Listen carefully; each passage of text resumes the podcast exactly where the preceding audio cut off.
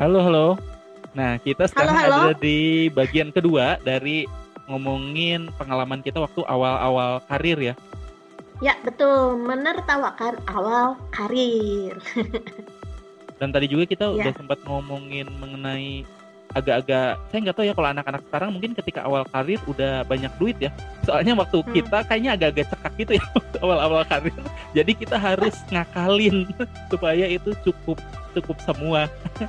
kalau Mm-mm. dari Bu, Bu Mel kayak gimana pengalamannya nih? Nah, jadi kan waktu uh, waktu setelah saya tuh baru bener-bener punya. Jadi kan waktu saya cerita, saya tuh punya tabungan Mhm. pertama kali waktu saya jadi atlet, terus saya jadi penjaga toko kan. Tapi Hmm. ya itu mah nggak nggak seberapa. Soalnya Mhm. uh, uang tersebut tuh kalau nggak salah kepake waktu ngebiayain uh, ayah saya waktu itu kan ayah saya sempat sakit sebelum meninggal gitu kan. Hmm, hmm. Nah, akhirnya berarti tabungan saya tuh baru terisi ulang itu ketika saya pulang dari Indonesia mengajar. Jadi tuh saya Oke. uh, tetap bisa nabung di sana karena di sana kan kita nggak jajan apa-apa gitu ya. Hmm, Jadi hmm. saya cukup menabung dan waktu itu saya tuh uh, punya salah satu teman penempatan saya tuh pernah bilang kita tuh harus bisa nabung. Caranya Hmm, hmm. gimana?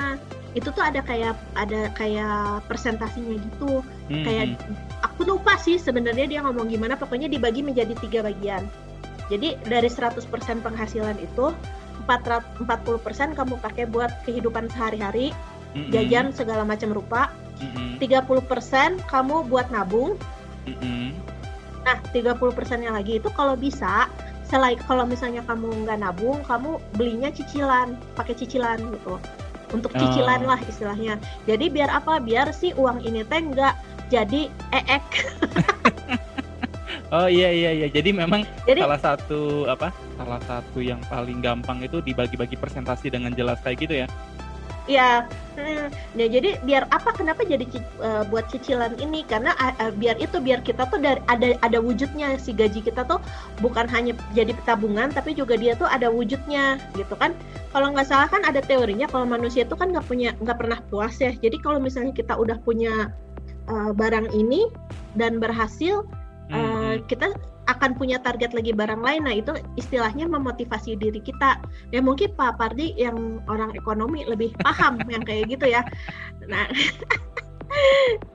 benar nggak tuh teorinya Pak Pardi? Kalau misalnya kayak gitu ya sebetulnya karena ini sosial, jadi banyak ini ya banyak banget eh banyak banget teori dan beneran nggak ada satu satu yang bener, nggak ada beneran satu yang Hmm. bener. Kita ikutin sesuai dengan konteks dan keinginan kita. Karena nih Oh, misal sa- sa- kecocokan Heeh, misalnya nih saya misalnya ah kalau saya sih contoh ya si A kata si A kalau saya sih yang penting saya punya rumah saya punya kendaraan anak saya sekolah udah itu beda pendekatannya tentu dengan orang lain yang pokoknya saya harus punya lima perusahaan harus punya Hmm. kayak gini kan beda ya Eh, Hmm. beda bakal beda pendekatan dan beda strategi juga gitu cuman Hmm. memang eh, salah satu yang paling sederhana yang waktu diterapin walaupun agak kurang disiplin waktu masih awal-awal saya juga pakai mirip-mirip presentasi kayak gitu cuman kalau saya presentasinya agak beda kalau saya itu 50 30 20 saya lupa ini baca Mm-mm. dari mana gitu kalau ini agak mirip sih 50% itu adalah uang maksimal yang kita pakai untuk eh, sehari-hari kebutuhan sehari-hari buat ongkos, buat makan, bayar kosan itu tuh maksimal 50%. Nah, si 30% maksimal lagi-lagi ini 30% maksimal. Ya kalau misalnya kamu pengen membayi apa apresiasi diri kamu sendiri lah buat nonton kayak buat jadi beneran apa yang kamu pengen. Nah, yang Hmm. 20%, sisa 20% minimal jadi minimal Nabung. 20%, heeh, bisa untuk itu untuk yang urgent yang pertama adalah eh, buat nabung kalau misalnya udah ada tabung. Jadi kita itu harus punya semacam uang cadangan sebetulnya. Itu tuh Hmm. biasanya adalah idealnya 6, 6 bulan sampai satu tahun dari pengeluaran kita. Jadi contoh nih satu satu bulan itu saya misalnya butuh keluar untuk bayar lain-lain itu 2 juta nih. Berarti Hmm. minimal saya punya buffer 12 juta. Soalnya kalau misalnya saya tiba-tiba dipecat atau misalnya kalau yang usaha usahanya rugi terus, jadi saya bisa hidup selama enam bulan tanpa nyusahin Hmm. orang lain. Nah, kalau si Hmm. buffernya ini udah cukup, barulah kit, si 20% minimalnya ini bisa kita pakai buat contohnya itu buat investasi. Apakah beli reksadana lah kalau sekarang apalagi beli saham asal jangan ikut-ikutan ya. Jangan ikut-ikutan. Hmm. Wah, ini ada akun Instagram jago saham misalnya. Terus dia kamu beli ini semuanya beli padahal kita nggak tahu cara analisanya. Pokoknya investasi Hmm. ke hal yang kamu tahu dan relatif aman. Kayak gitu sih. Jadi Hmm. memang banyak dan banyak banget itu tuh ada yang 30 30 20 20 ada yang gitu-gitu. Cuman kalau saya berhubung tidak terlalu cerdas yang tiga aja deh pembagiannya. yang yang yang gampang misalnya yang tadi yang 30 juga kalau misalnya kalian pengen ngasih sesuatu atau pengen beramal di yang 30 persennya kayak gitu sih. Hmm.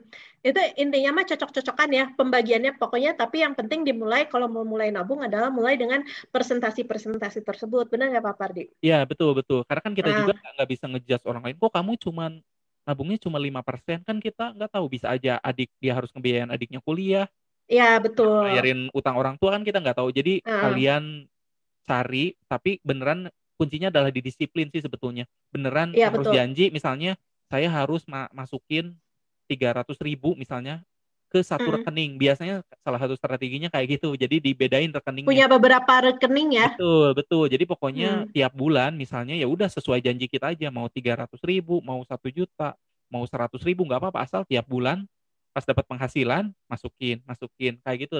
Jadi nggak kerasa gitu tiba-tiba oh Hmm. udah punya duit segini kayak gitu sih. Hmm.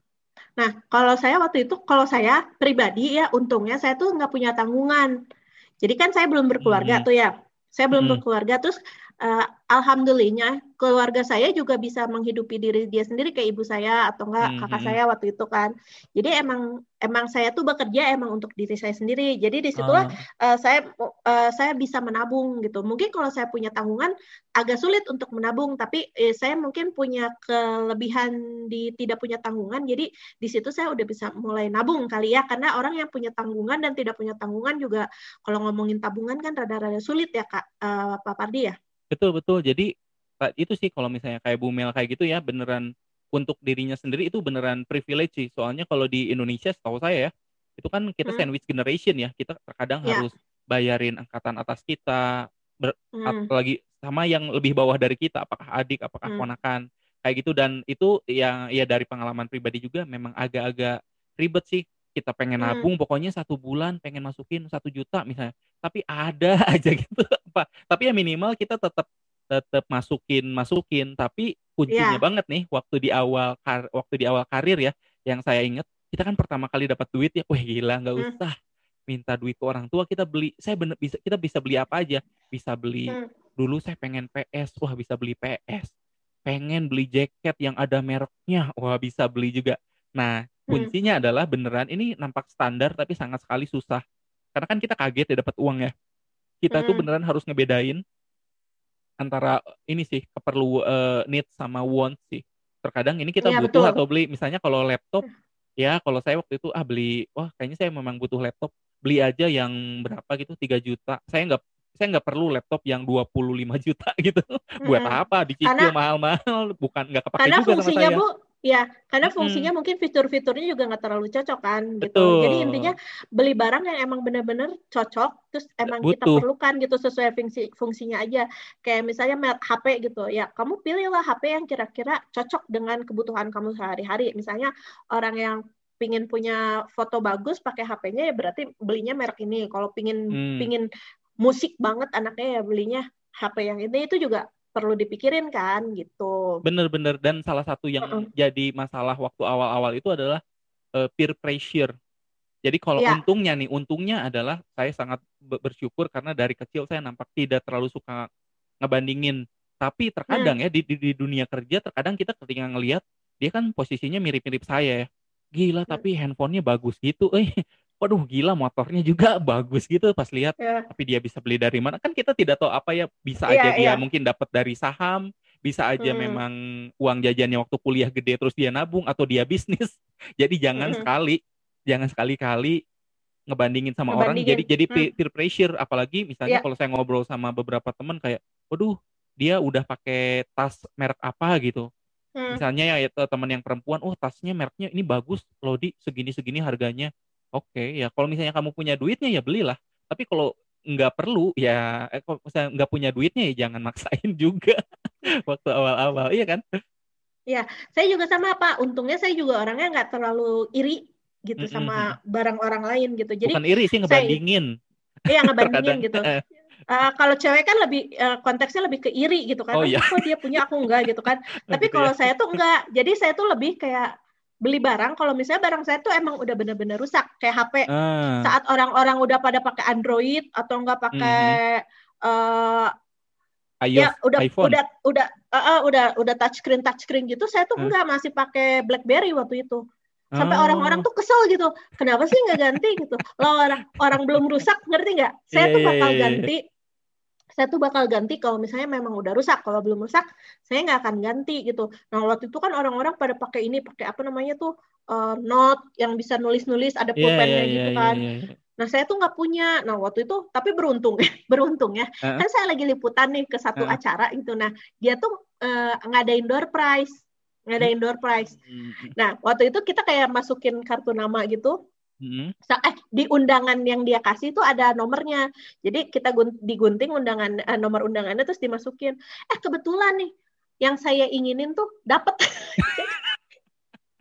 Jadi mah dari alhamdulillah mana? banget tuh. Iya, rezeki. Padahal saya tuh udah bi- bilang banget, aduh pingin banget punya itu, tapi ah nggak butuh-butuh banget kali ya, jadi nggak beli gitu loh. Nah, jadi emang emang butuh harus ada ini sih apa ya namanya gatekeeper ya di dalam diri sendiri. Butuh apa Hmm. enggak gitu. Butuh Iya, iya, iya, iya. atau hanya pingin aja gitu. Nah itu itu juga ke saya cukup ini. Nah tapi saya tuh anaknya nggak nggak bisa banget nih eh, nahan jajan, nggak bisa. Jadi kalau barang kalau barang itu tuh saya bisa Kuat Nah, ya kalau nahan. bahan. Bisa bisa kuat belanja apa itu saya bisa baju apa eh, Hmm, saya hmm, terus hmm. saya kan juga anaknya nggak nggak make upan gitu ya jadi saya nggak Hmm, hmm. butuh uang untuk make up saya nggak dan saya juga nggak terlalu suka beli baju gitu ya Hmm, hmm, tapi hmm. saya tuh anaknya jajan banget, jajan banget. Jadi eh, awal tabungan yang tadi saya cerita, saya tuh hanya punya tabungan sisa dari saya kerja di Indonesia mengajar. Itu Hmm, juga hmm. gara-gara dikasih persentase caranya nabung. Hmm, Nah, hmm. tapi ternyata tantangan hidup di Jakarta itu kalau misalnya orang-orang mah belanja, kalau saya mah jajan. Eh. Sumpah ya. Hmm. Itu itu tuh saya sampai naik kan waktu saya udah pernah cerita kalau saya turun berat badan waktu lagi di balik Indonesia mengajar. Iya. Itu saya tiga, tiga bulan di Jakarta, saya tuh langsung berat badan naik 20 kilo loh. Oh my god. 20 20 kilo tiga Padahal nggak bulan. nggak lockdown pandemi padahal ya. Itu kenapa saya bisa kayak gitu? Karena itu saya jajan. Jadi karena saya tuh baru banget tinggal, Hmm. saya tuh kan ngekos di Jakarta itu. Saya Heeh. tuh ngekos. Jadi baru pertama kali saya tinggal di luar rumah tanpa ada pantauan dari orang tua. Hmm, Yang kedua, hmm, hmm. sebenarnya waktu lagi di Indonesia mengajar juga kan tidak ada pantauan orang tua, tapi ko- kondisi membuat saya harus tidak tidak hidup head- mewah gitu kan ya. Heeh. Di Jakarta ini saya ngekos, saya punya pendapatan tetap, Hmm, hmm. eh, penda- pendapatan tetap di atas UMR ya, terus Mhm. sama saya punya pacar Kenapa punya pacar ngaruh? karena karena saya punya pacar, Mm. kan intinya jadi saya punya teman. ya Ah, kan? Jadi saya tuh bisa jalan-jalan ke mana aja saya yang mau dan waktu itu saya sangat memuaskan ke apa ya Memuaskan. nafsu memuaskan wah ini konteksnya ke mana-mana memuaskan nafsu ini makan Oh, oke. jadi saya tuh saya tuh emo- emotional eatingnya cukup tinggi gitu Hmm, jadi, hmm. Eh, pak saya makan makanan yang saya idam-idamkan selama satu tahun saya nggak bisa kan waktu di penempatan saya satu tahun nggak bisa makan yang yang saya inginkan Iya, iya. Itu tuh bener-bener pas saya tinggal di Jakarta itu tuh saya langsung ngejar makanan-makanan yang saya sempat idam-idamkan selama satu tahun di penempatan Balas dendam ya. Kayak- balas dendam dan itu dan Hmm. itu tuh berlebihan gitu sampai sampai akhirnya saya naik berat badan sampai eh, 20 kilo dalam satu tiga bulan kan Hmm, Nah, hmm, hmm. Eh, udah saya nyadar oh ternyata berat badan saya eh, rada eh, jadi memuncak nih gitu jadi gendut Hmm, hmm. Nah di situ saya mulai stop jajan tapi tetap saya nggak bisa nabung karena saya jadi dola- doyan main Hmm. saya tuh doyan main jadinya jadi si gaji tuh habis habis nah itu kayak itu terus berulang sekitar dua tahunan deh Hmm. dua tahun iya sekitar dua tahunan saya apa kerja saya tuh kayak ngerasa pak terus ini ngisi pajak kan pajak Iya, iya. nah pas pajak di situ saya ngelihat ya hah? Kan kalau pajak itu kan e, berapa persen pendapatan kita dipotong terus buat dimasukin ke dalam pajak ya kan? Hmm, hmm. nah di situ ada ada jumlahnya. Terus saya mikir hah? Ternyata kalau misalnya saya setahun e, nabung sekian sekian besar saya e, Bayar pajak. sesuai dengan potongan pajak gitu ya. Hmm. ternyata tabungan saya bisa gede banget dong gitu ya. Saya tuh sempat mikir. Terus selama dua tahun ini saya ngapain aja? Terus akhirnya saya ngecek tuh ke tabungan saya itu tuh nggak nggak nggak terlalu signifikan meningkatnya dari terakhir tabungan saya dari Indonesia mengajar itu. Hmm. Terus terus dipikir-pikir saya juga udah nggak terlalu ini nggak terlalu apa uh, menggunakan sistem persen persentase yang tadi kita bahas sebelumnya gitu loh Pak Pardi. Nah terus akhirnya saya mikir aduh gimana ya. Nah di situ tuh saya mulai mikir gitu mulai kayak gila dua tahun saya kerja saya saya dapat apa? Saya nggak dapat apa-apa tabungan nggak punya. Semuanya cuma jadi ee. Please jangan Karena ada kan, topik ini ya bilik lagi ya di episode kali ini ya ini hobi. ya terus. jadi kan ke mana ya? Nah terus akhirnya pas lagi kayak gitu uh, ini teman kebetulan banget nih teman saya ada yang kerja di bank. Nah dia tuh nawarin buka tabungan mm-hmm. nawarin buka tabungan. Nah terus terus aku teh uh, dia tuh nawarin buka tabungan. Nah terus aku teh ngomong kayak gini bisa nggak sih kalau misalnya saya buka tabungan di di bank kamu tapi saya tuh pingin ada uh, terus aku ceritain lah uh, masalah keuangan aku tuh di mana aku tuh nggak bisa nabung bla bla bla bla bla bla bla bla bla gitu. Uh, terus akhirnya di situ tuh dia punya ini punya punya salah satu program lah di bank dia tuh yaitu hmm. namanya tuh kalau nggak salah tabungan cita-cita. Nah, hmm. Nah, jadi tabungan cita-cita itu maksudnya apa? Jadi kamu nabung sekian uh, sejumlah sekian setiap bulannya supaya kamu bisa mencapai cita-cita kamu gitu. Nah, hmm. dalam setahun itu kamu nggak boleh ngambil tabungan itu, ngerti nggak? Oh, itu deposito jadi, terselubung itu nggak boleh diambil. ya, terus, pokoknya terus. ya ya sejenis kayak tabungan jangka panjang kan jatuhannya yeah. gitu.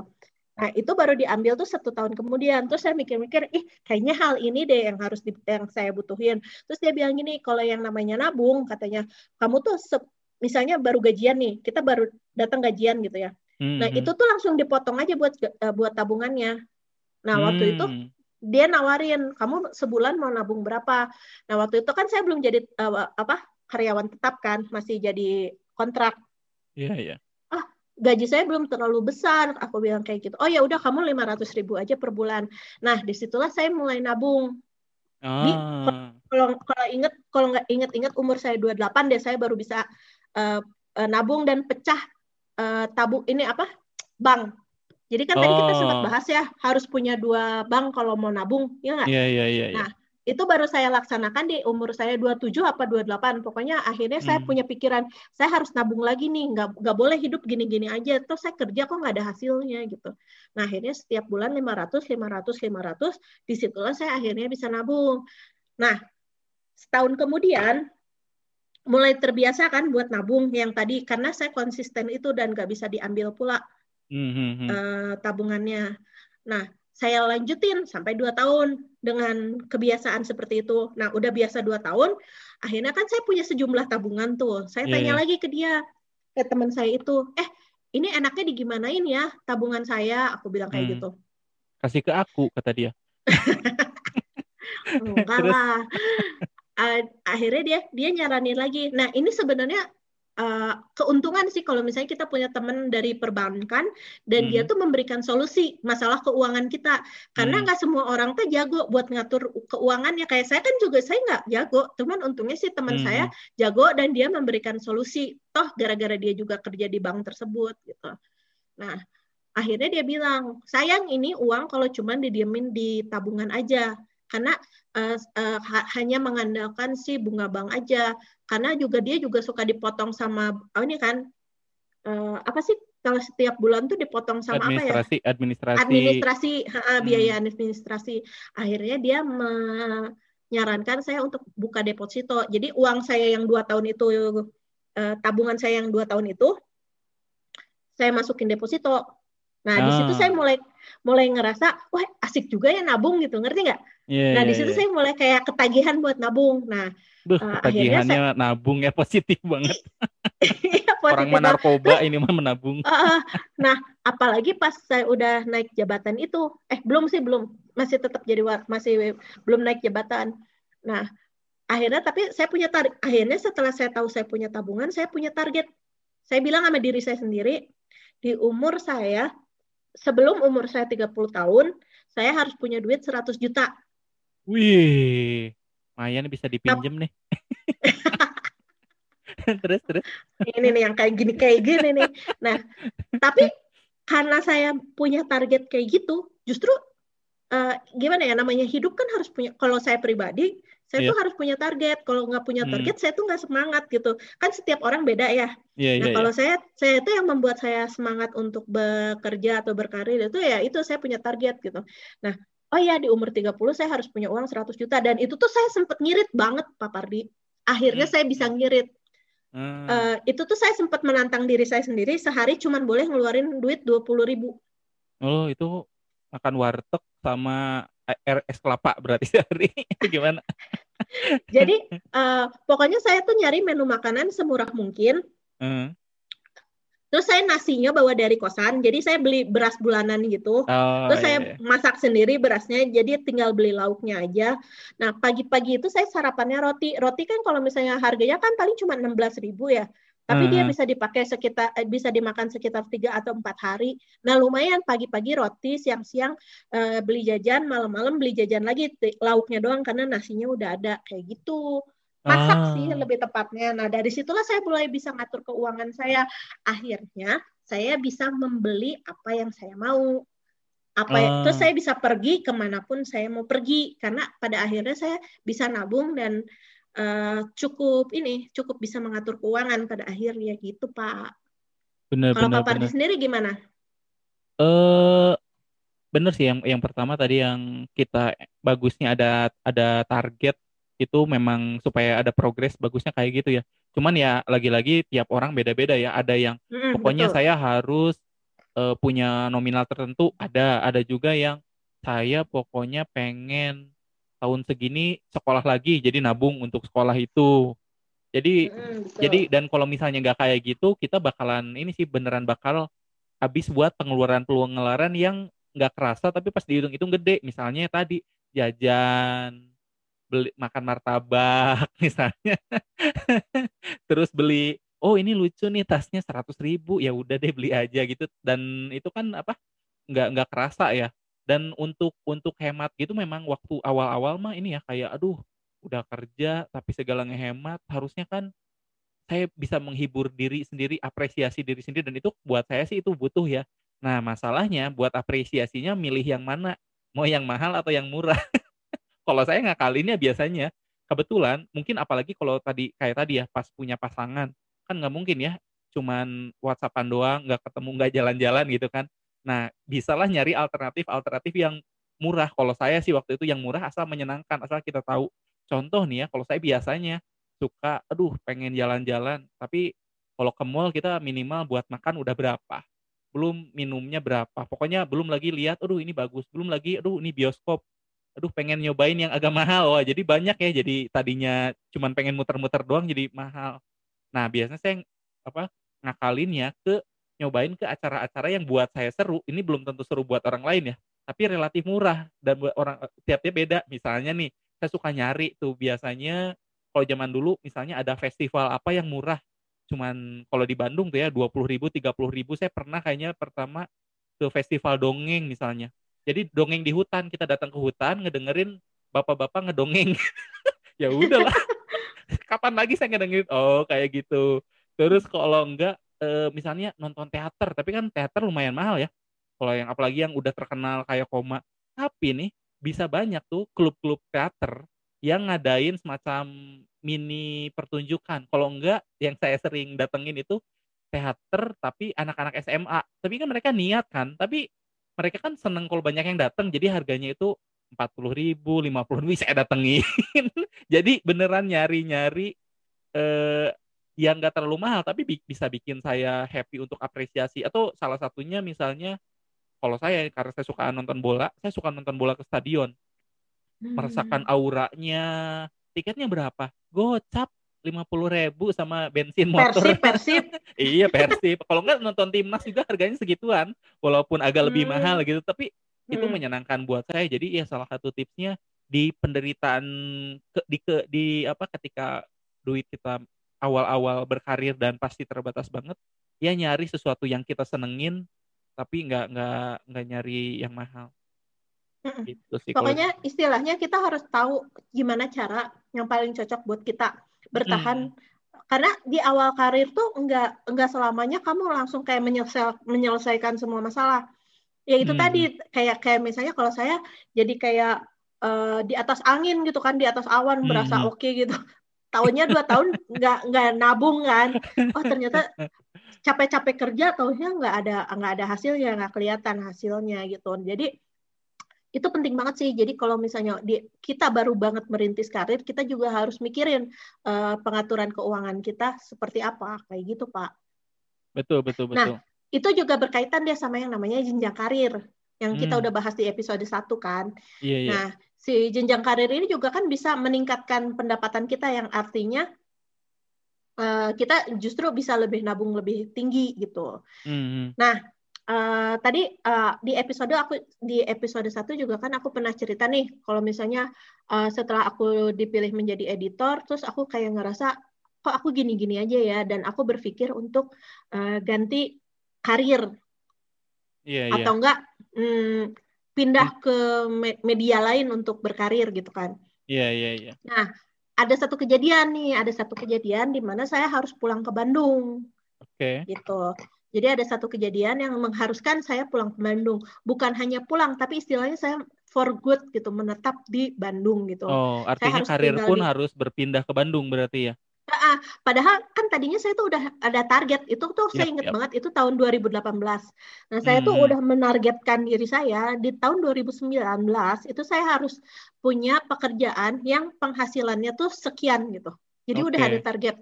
Oh. Kalau misalnya saya tetap di kantor saya yang lama, saya nggak bisa nih mencapai target tersebut. Jadi saya tuh udah mempersiapkan diri untuk pindah saat itu tahun 2018. Hmm, hmm, hmm. Tahu-tahu sama semesta di ini ini di dijabah, di- Hmm. keinginan saya, tapi ternyata bukan untuk menjadi lebih tinggi, Hmm. untuk untuk bukan ka- apa men- menaikkan jenjang karir gitu.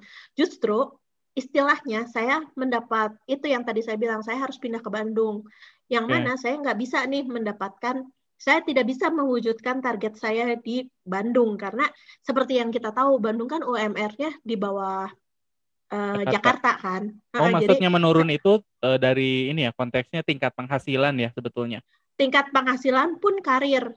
Oke. Haha. Ah, ah, jadi jadi waktu itu kan saya pinginnya waktu saya men- kalau saya tetap di Jakarta saya ingin eh, di di apa ya di tipe karir yang sama tetap di dunia media tapi pindah perusahaan yang bisa sekiranya memberi penghasilan lebih tinggi atau bisa menjanjikan jenjang karir. Nah tapi ternyata kan eh, alam semesta menjawab yang lain ya, C Iya. yang maha kuasa, C menakdirkan yang lain. Jadi saya harus pulang ke Bandung. Nah, waktu itu saya sempat galau. Jadi saya tuh pindah ke Bandung tanpa rencana, Pak Pardi. Hmm, oke. Jadi istilahnya yang tadinya roda udah di atas, Hmm, itu hmm. roda nurun lagi ke bawah nih. Nah, Oke. roda nurun lagi ke bawah. Nah, itu benar apa yang Pak Pardi bilang. Kalau misalnya kita punya tabungan, itu tuh bisa menanggung hidup kita sekian waktu ke depan sebelum kita bisa membenahi diri kita sendiri. Nah, itu tuh saya sempat Hmm. hidup dari tabungan-tabungan saya itu yang saya kumpulin di Jakarta. Untung saya udah nabung waktu itu. Hmm. Nah, eh, tapi saya sempat mikir kayak gini. Eh, terakhir jabatan saya kan editor. Tapi kalau misalnya saya pindah ke Bandung, belum tentu saya bisa mendapat jabatan yang sama. Kalau saya kerja di Hmm. perusahaan media gitu, pasti nanti saya mi- diminta karirnya dari nol lagi dong. Dari Gitu, awal lagi ya, apalagi pindah media gitu ya. Ya, nah waktu itu saya sempat eh, konsultasi sa- sama salah satu teman saya dan dia tuh eh, bisa dibilang konsultan karir lah gitu karena dia Hmm. eh, dosen di salah satu universitas swasta yang membahas tentang manajemen gitu lah ya. Hmm, hmm. Nah waktu itu saya konsultasi sama dia, gimana nih bang enaknya? Soalnya eh, kalau misalnya saya ngulang lagi dari awal, dari jadi wartawan lagi, kok kayaknya uh, saya jadi kayak apa ya uh, tidak meniti jenjang karir di sini. Jadi waktu itu saya sempat hmm, hmm. kayak nggak mau nggak mau ngulang gitu. Nah waktu itu salah satu uh, masukan dari dia adalah uh, emang kayaknya jangan kalau misalnya ngulang lagi suatu suatu karir dari nol, apalagi mengulang jenjang yang sama gitu. Lebih baik mengulang dari nol tapi tapi karir yang baru. Jadi tidak di bidang yang sama. Oke, oke. Membuka peluang di bidang baru berarti ya. Ya, hmm. jadi waktu itu waktu itu pernah di, diusulin kamu buka bisnis aja atau kamu uh, cari bidang lain yang kira-kira sesuai dengan kamu. Nah waktu itu kan saya udah pernah bilang kalau saya orangnya nggak jago di bisnis. Hmm, hmm, hmm. Nah tapi untungnya waktu itu ada tawaran nih jadi editor tiba-tiba hmm, hmm. di Bandung. Jadi saya jadi kayak koordinator di Bandung gitu di kota Bandung salah satu media online di Jakarta. Nah dia tuh kayak medianya udah cukup terkenal juga, media online terkenal. Nah, waktu itu dia menjanjikan posisi editor kreatif. Mm-hmm. Saya diwawancara nih ikut uh, wawancara, uh, ikut sesi saya masukin aplikasi, diterima, terus saya masuk wawancara, terus saya saya ngikutin tahap sampai ke usernya. Mm. Bahkan sih, bahkan saya udah kayak nego gaji. Dengan si user ini, dengan HR-nya? Uh, sama HR sama user sama HR-nya dulu. Mm-hmm. Nah, terus udah gitu ditanya kamu mau gaji berapa? Nah, aku lupa. Ini udah pindah pindah ini pindah apa? Pindah daerah ya, pindah, ya konteksnya juga daerah. udah beda. Mm-mm. Mm-mm. Aku tuh benar-benar lupa. Jadi aku minta gaji yang lebih tinggi daripada gaji aku yang sebelumnya. Oke. Okay, nah, di okay. sini di sini nih aku salah salah walaupun waktu di awal kan aku bilang tentang nego gaji segala macam lupa. Nah di sini satu kesalahan aku adalah aku lupa kalau misalnya aku udah pindah pindah tempat hmm, daerah hmm, gitu. Hmm, hmm. Yang mana UMR Bandung kan pasti lebih kecil dong daripada UMR Jakarta. Nah yeah. aku minta gaji setara gaji aku yang di Jakarta bahkan lebih tinggi. Uh, karena nah, itu dirasa wajar itu, ya, ya kalau pindah ya lebih tinggi dong gitu kan. Iya. Waktu awalnya gitu. Uh, uh, pun berikut sebenarnya aku juga mikir kayak gini sih uh, ini media kan cukup terkenal si media ini tuh cukup terkenal terus dia mestinya lihat dong ja, apa uh, uh, pengalaman kerja aku kan aku uh, aku ngerasa aku udah kerja di beberapa media yang terkenal gitu ya. Mm-hmm. mestinya dia bisa bisa ngasih penilaian lebih. Nah waktu itu over pede nih di sini. Mm-hmm. saya minta gaji sekian nah si mbaknya tuh kaget. Hah kok gede banget ya mbak? Oh gede juga ya mbak. Ya terus saya bilang ya kan kalau misalnya mau pindah kerja alangkah lebih baiknya pendapatan kita bisa lebih tinggi dari dari uh, gaji kita sebelumnya. Uh, hmm. tapi ini bis uh, terus oh iya iya. Dia tuh kayak nggak banyak nggak banyak apa ya cakap tentang hal itu. Oke okay, mbak hmm. nanti kalau misalnya kalau misalnya masuk ke tahap selanjutnya akan dihubungi usernya. Oke okay, kata hmm, gitu. Hmm, hmm nggak lama dihubungin sama usernya ngobrol lama gitu ya tentang hmm. wawancara bla bla bla. Terus gimana sikap saya sebagai editor bla bla bla. Eh dia balik lagi ke pertanyaan gaji. Emang nggak saya tuh nggak nggak ini nggak nggak mikirin tentang UMR Bandung karena bener-bener lupa gitu ya. Oh iya iya iya. Karena saya pikir dia media base-nya di Jakarta jadi bukan media oh, Bandung gitu. Jadi iya, iya, iya. jadi saya pikir dia mampu-mampu yeah. aja bu buat gaji segitu. Terstandarisasi sama, nasional kan biasanya ya, kalau perusahaan nah, gede gitu kan ya. Nah, nah hmm. saya mikirnya kayak kayak gitu. Nah, terus pas dia nanya gaji, saya jawab segitu, sekian. Dia kaget juga, sama kaget juga.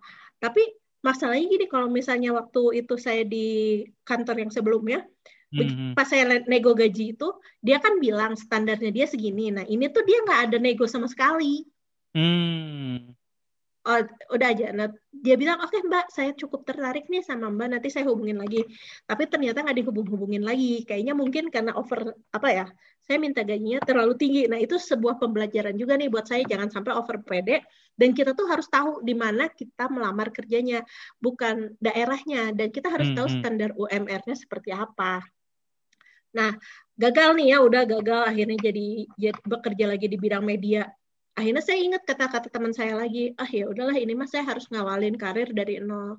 Akhirnya pindah. Saya banting setir balik lagi ke pendidikan dunia oh. pendidikan. hmm. nah, akhirnya saya uh, ditawarin sama salah satu teman ini alumni pengajar muda juga kamu mau nggak kerja jadi guru lagi? Gitu. Oh mau boleh deh kata. Emang kamu lagi belum kerja? Belum. Ya udah cobain aja ngelamar. Mm -hmm. saya cobalah ngelamar di sekolah ini nah ada ada cerita juga nih ceritanya sama-sama lagi dengan pengalaman Aduh. saya di jangan telat lagi nih. Nah, kali ini nggak telat kak. Oh, oke. kali, kali ini. Tapi ini ceritanya lebih, lebih tapi saya telat ngumpulin berkas-berkas gara-gara Oke. ada ceritanya. Gimana ada gimana? ceritanya. Jadi untuk masuk sekolah ini guru itu harus bikin esai. Oke. Oke. Nah si esai ini dia tuh mintanya eh, 3000 karakter. Ah oke? Karakter ya? Oke. Saya tuh salah salah baca. Nggak? 3000 kata. Oke. Jadi lebih banyak Oke. dong. 3000 kata. Nah, sementara kalau 3000 kata itu kan berarti ada sekian puluh halaman kan? iya iya. Nah, saya tuh ngerjain gak selesai. Nah, saya tuh waktu itu pakai bahan bahan tesis saya, Hmm. bahan tesis karena dia minta 30 kata kan. Ini mau minta jurnal ilmiah atau kayak gimana nih sekolah katanya. Hmm, hmm. Terus saya, saya ini susah banget sih mau masuk eh, sekolah ini buat jadi gurunya aja. Nah, Iya. terus di- di- terus akhirnya kan dia tuh buka tiga tiga batch ya, tiga Hmm. tahap Hmm. eh, eh jenjang tiga jenjang gitu jenjang pertama dua tiga untuk bisa masuk ke dalam eh, bukan tiga sih apa ya golongan batch batch itu apa sih bahasa Indonesia-nya tiga ya, ini maksudnya tiga step Gelombang. yang step tiga- Gelombang. oh tiga gelombang. Ah, ah, jadi ada gelombang satu gelombang dua gelombang tiga kalau mau masuk ke si sekolah tersebut. Nah saya Hmm. tuh udah didaftarin di gelombang pertama. Hmm. ditelepon kumaha? Jadi enggak? Jadi jadi tapi belum selesai nih esainya kata gitu. Eh, lama pisan cenah nyanya tuh aku teh ngomongnya 3000 kata aku bilang teh kayak gitu. Eh, tiga- terus dia teh ya bisa tuh kan kamu teh jurnalis jurnalis juga atau mikir 3000 kata mah. Aku tuh lupa entah 3000 apa 6000 ya pokoknya lupa. Pokoknya Ah, sekitar ah, ribu-ribuan gitu. Nah di gelombang kedua gak datang lagi. Terus ditelepon lah sama si teman aku teh kok kamu gak datang lagi sih kemarin?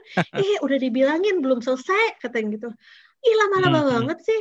Terus tapi kamu masih minat nggak? Dia teh ngomong kayak gitu. Minat Hmm, minat kata aku teh gitu. Ya udah pokoknya ditunggu eh, ditunggu di gelombang ketiga. Aku ngomongin dulu sama kepala sekolahnya. Dia bilang kayak gitu. Jadi dia tuh Hmm. pingin banget aku tuh masuk si sekolah ini gitu. Karena dia tuh kayak Hmm. yakin banget aku cocok gitu ya. Oh ya udah tuh eh, akhirnya aku tuh mencoba ya dengan niat. Akhirnya aku beresin tuh tiga ribu eh, berapa ribu kata itu.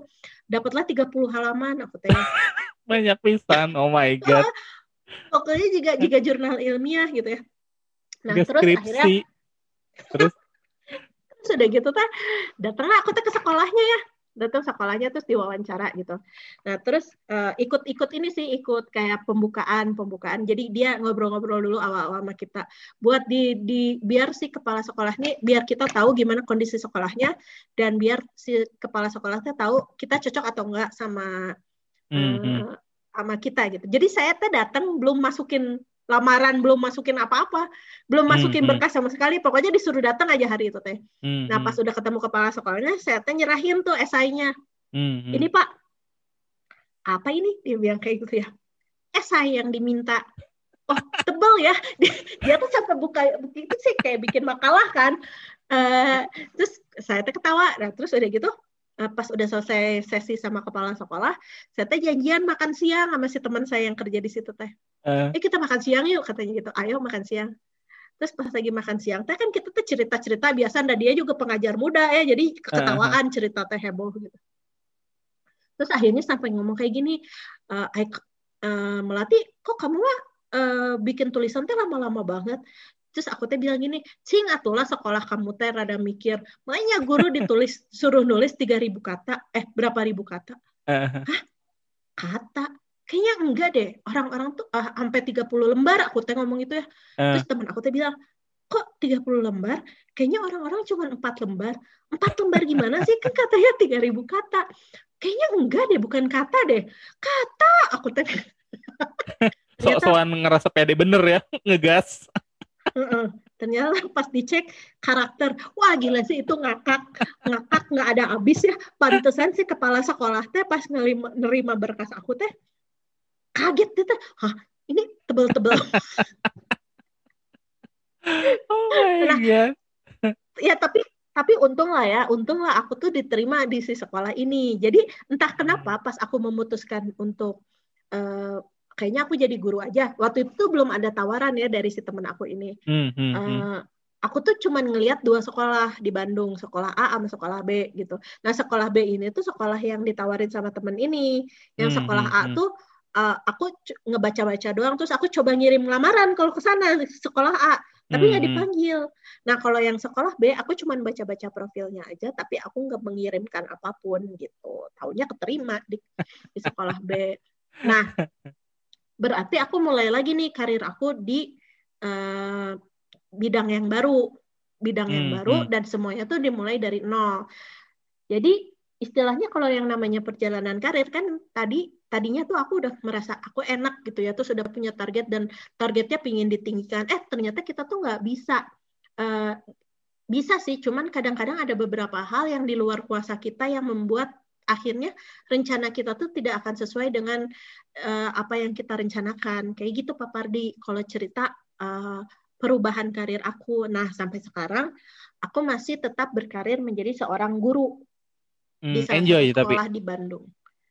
Uh, lumayan enjoy. Nah, tadinya tadinya saya saya nggak enjoy karena tadinya tuh saya minta uh, di jenjang usia dini sesuai hmm. dengan uh, eh, S2 saya kan tentang saya kan psikologi anak usia dini kan. Uh -huh. Nah, saya tuh ditaruhnya justru jadi di sekolah SMA.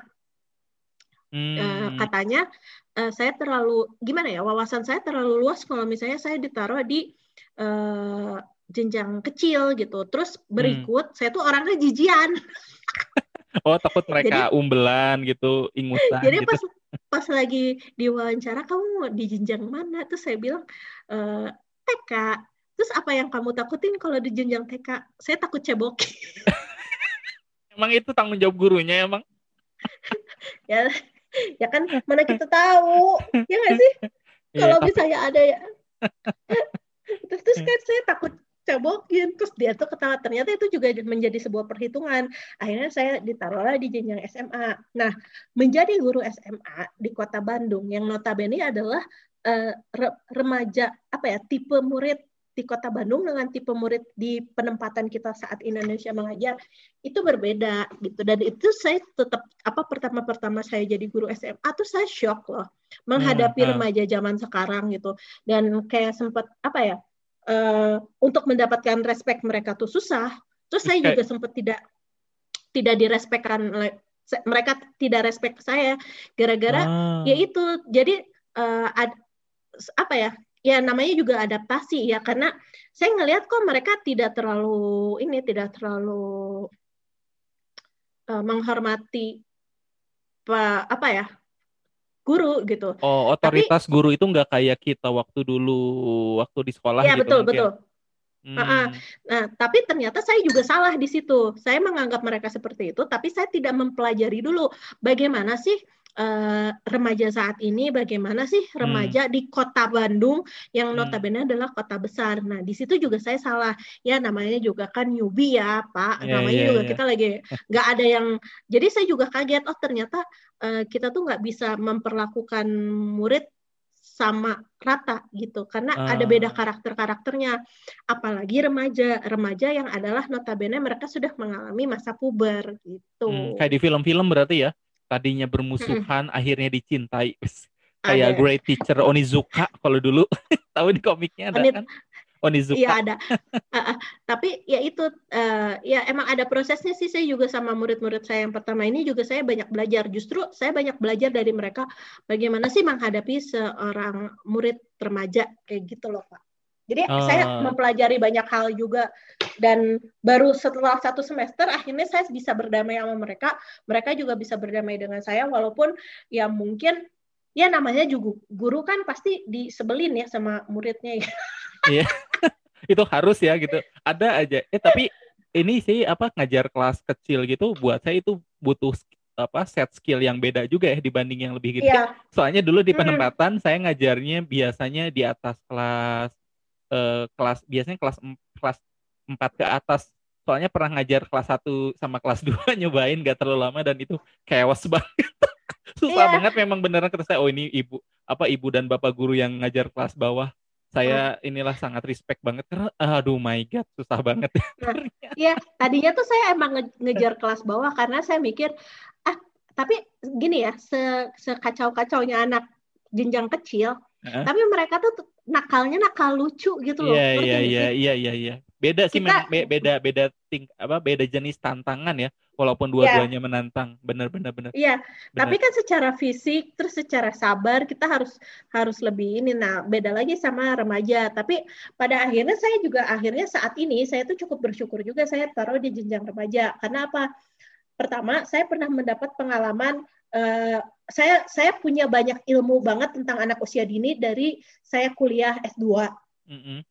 Nah, yang kedua, saya udah pernah pengalaman ngajar uh, jenjang SD saat di penempatan. Uh -huh. Nah, sekarang saya punya lagi kesempatan ngajar di jenjang remaja. Lengkap Jadi gitu ya? istilahnya ya? saya tuh merasa lengkap untuk bisa mempelajari perkembangan anak, bagaimana cara mengajar anak gitu dan dan apa ya impiannya dari pengalaman-pengalaman saya ini saya bisa punya target lain nih di di hmm. ke depannya gitu jadi kayak oh bisa jadi bekal buat saya juga entahlah saya mau bikin apa atau kayak gimana jadi istilahnya karir ini juga walaupun saya dimulai dari nol lagi walaupun berpindah pada akhirnya juga bisa tetap memberikan apa ya sebuah nilai lebih dan hmm, pembelajaran hmm, hmm. baru pengalaman baru buat saya Nah, kalau hmm, saya sih hmm. ceritanya kayak gitu. Kalau Pak Pardi gimana? Apakah Pak Pardi, kan dari tadi Pak Pardi cerita kalau misalnya Pak Pardi kerja di perusahaan A, B. Nah, apakah sampai sekarang Pak Pardi tetap kerja di perusahaan atau seperti apa? Kalau saya sih memang agak ini ya, agak-agak sama-sama berubah, cuman berubahnya dulu memang itu ya, sempat uh, uh, di perusahaan, terus sempat masuk NGO di IM, dan setelah itu lebih ke uh, mencoba me membuka usaha sendiri dengan beberapa partner. Dan salah satu yang saya sadari biasanya adalah orang-orang yang ketemu kita di perjalanan ya perjalanan apa pun itu ya. SMA atau kuliah bekerja terus.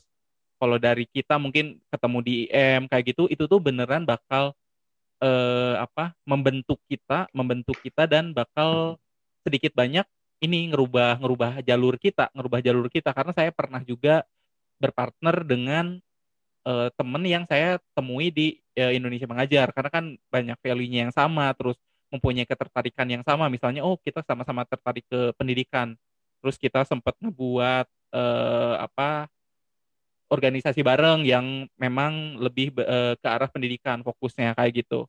Terus sempat juga ketemu dengan beberapa teman yang memang di bidang keuangan dan di situ pun bisa berpartner dengan mereka yang di bidang yang fokusnya ke keuangan. Jadi eh, apa apa pun perjalanan nanti yang bakal teman-teman pilih kayak gitu ya usahakan sih tetap apa ya tetap menjalin hubungan baik dan siapa tahu mungkin sesuatu bakal jadi titik belok bareng-bareng gara-gara ketemu dengan beberapa orang tersebut kayak gitu sih hmm. kalau dari saya jadi kalau dari saya dari awalnya yang sempat uh, di corporate terus sempat ke NGO dan akhirnya uh, kalau sekarang pada apa lebih ke self employed jadi salah satu pertimbangannya saya sempat entah ya saya sempat uh, baca di salah satu buku kayaknya.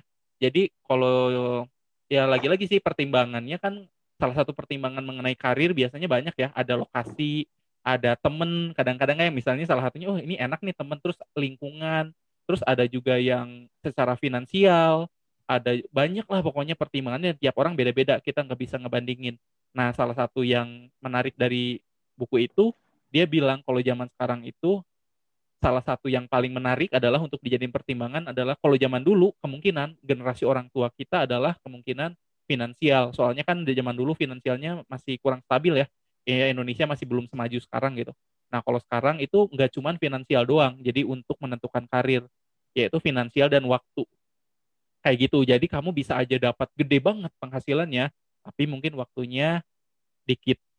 Atau kamu penghasilannya ya nggak terlalu gede banget, tapi cukup lah. Tapi mungkin waktu untuk diri kamu sendirinya dikit. Nah, karena terpengaruh, akhirnya ya udah saya nyobain eh, apa berpartner atau berbisnis sendiri dan sayangnya di kenyataan ternyata tidak seperti itu.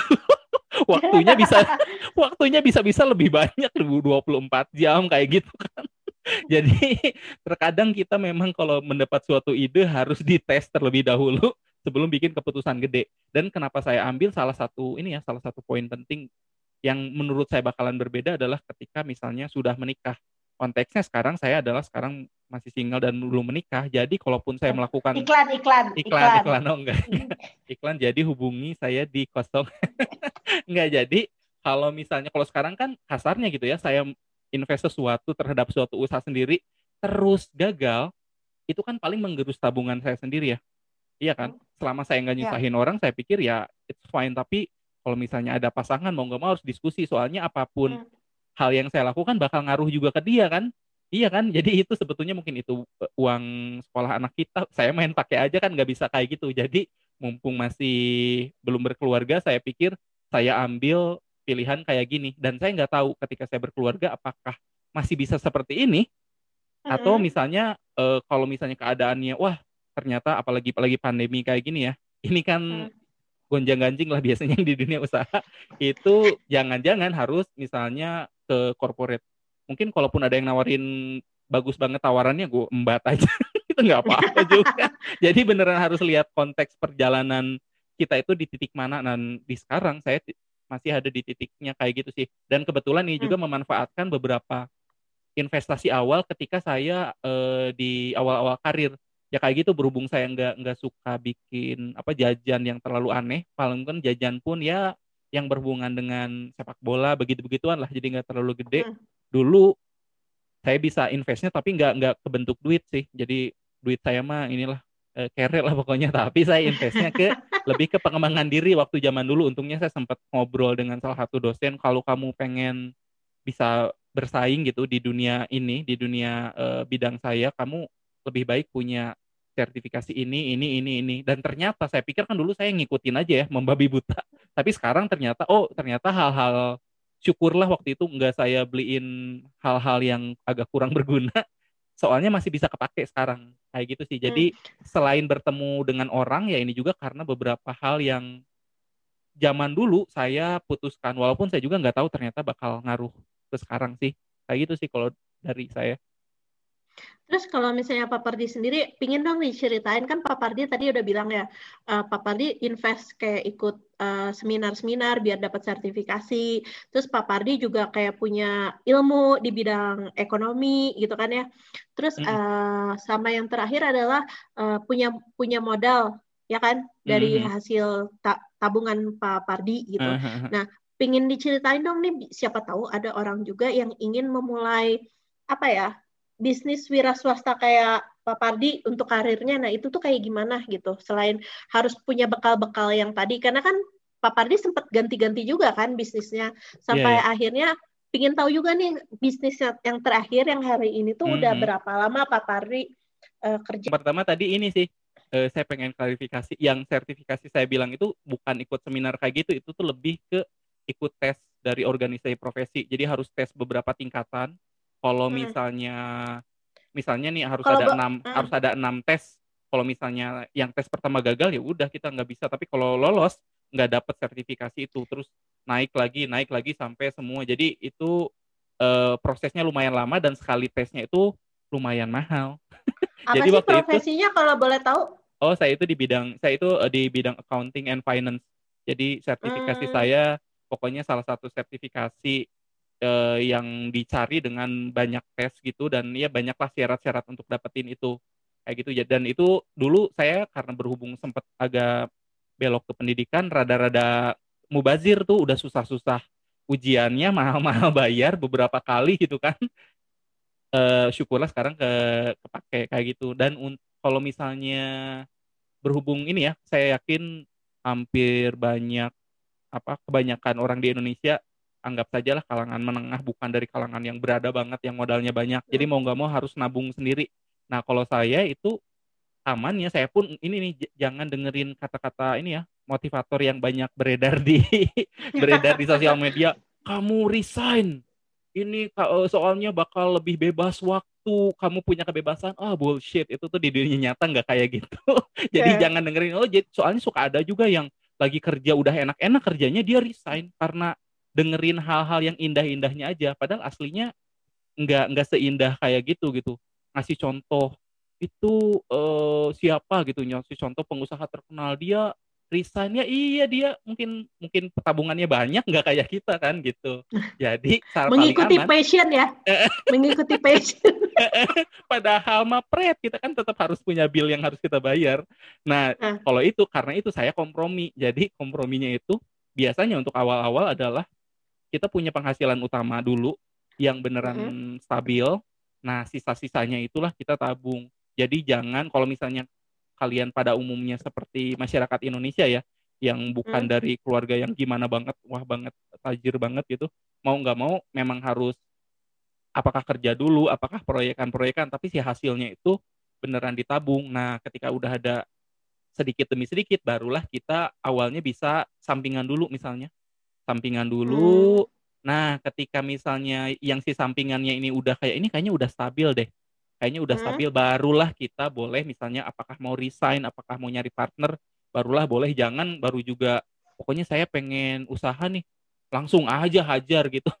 Tanpa penghasilan yang jelas. Ujung-ujungnya nyusahin orang lain kalau kayak gitu. Kayak gitu sih kalau untuk yang amannya. Jadi amannya sih ada penghasilan utama dulu yang jelas barulah kita bisa nabung Hmm. Terus Pak Pardi sendiri kalau boleh tahu sekarang uh, usahanya di bidang apa? Masih di finance juga? Terus ngapain? Oh, Apa yang dilakukan? Nah, jadi kalau misalnya ya ini sih kalau misalnya uh, revenue yang utamanya nah yang bilang saya utamanya apa yang kita punya itu aja yang kita pakai untuk uh, generate uh, yang utama. Kalau di utama saya kan memang di ini ya finance and accounting.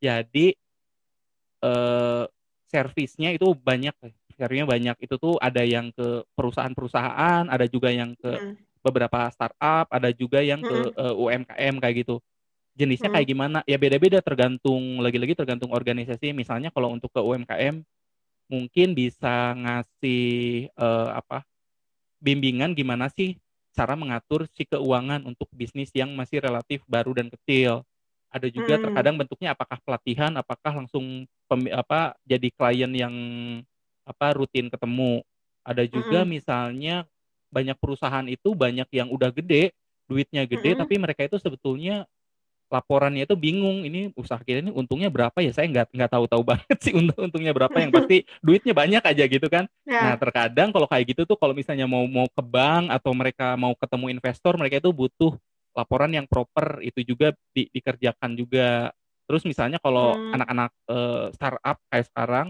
biasanya mereka kan terkadang kalau nyari investor tuh harus ini ya harus presentasi pitching dan lain-lain. Itu kan butuh yang duit-duitnya tuh ya. Kan kita terkadang terkadang nih di timnya mereka foundernya itu nggak ada orang finance-nya. Jadi masuk masukin aja angka-angkanya yang keren-keren. Sel sekian ratus. Kayak ini dapatnya dari mana gitu. Sedangkan saya memang profesional di bidang itu. Jadi saya nge-provide laporan yang uh, mengenai si keuangannya. Intinya sih uh, ini sih intinya nge-support uh, bisnis lain tapi yang spesifik di bidang hmm. keuangan. Karena saya pun memang ser, uh, punya sertifikasi di bidang itu lalu sekolahnya pun di bidang itu lalu ketika lanjut sekolah pun memang di di area bisnis juga. Kayak gitu. Hmm. dan itu itu yang yang semacam yang utamanya. Nah untuk yang coba-cobanya tentunya ada beberapa juga.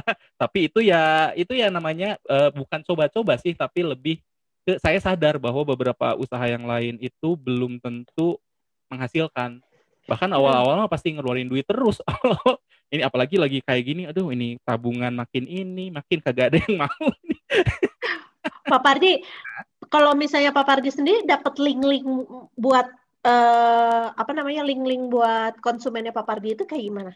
Nah kalau konsumennya itu lagi-lagi yang seperti saya bilang kita itu ujung-ujungnya adalah bersentuhan dengan orang-orang yang apa bersentuhan dengan banyak-banyak orang ya selama kita bisa apa eh, dapat hubungan yang baik dan juga ternyata ketika apa mereka nyobain servis kita mereka puas biasanya mereka bakal nge-refer kita ke orang lain sih. Jadi ada yang mantan apa kliennya tuh ada yang mantan bos saya, ada yang temen karena tahu eh, eh Pardi kamu ini kan bagian finance kan.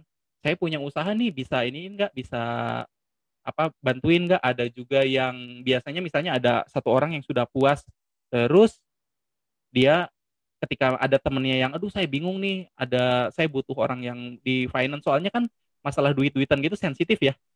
Karena kita nggak mau seenaknya ngasih informasi keuangan kita ke orang lain kan.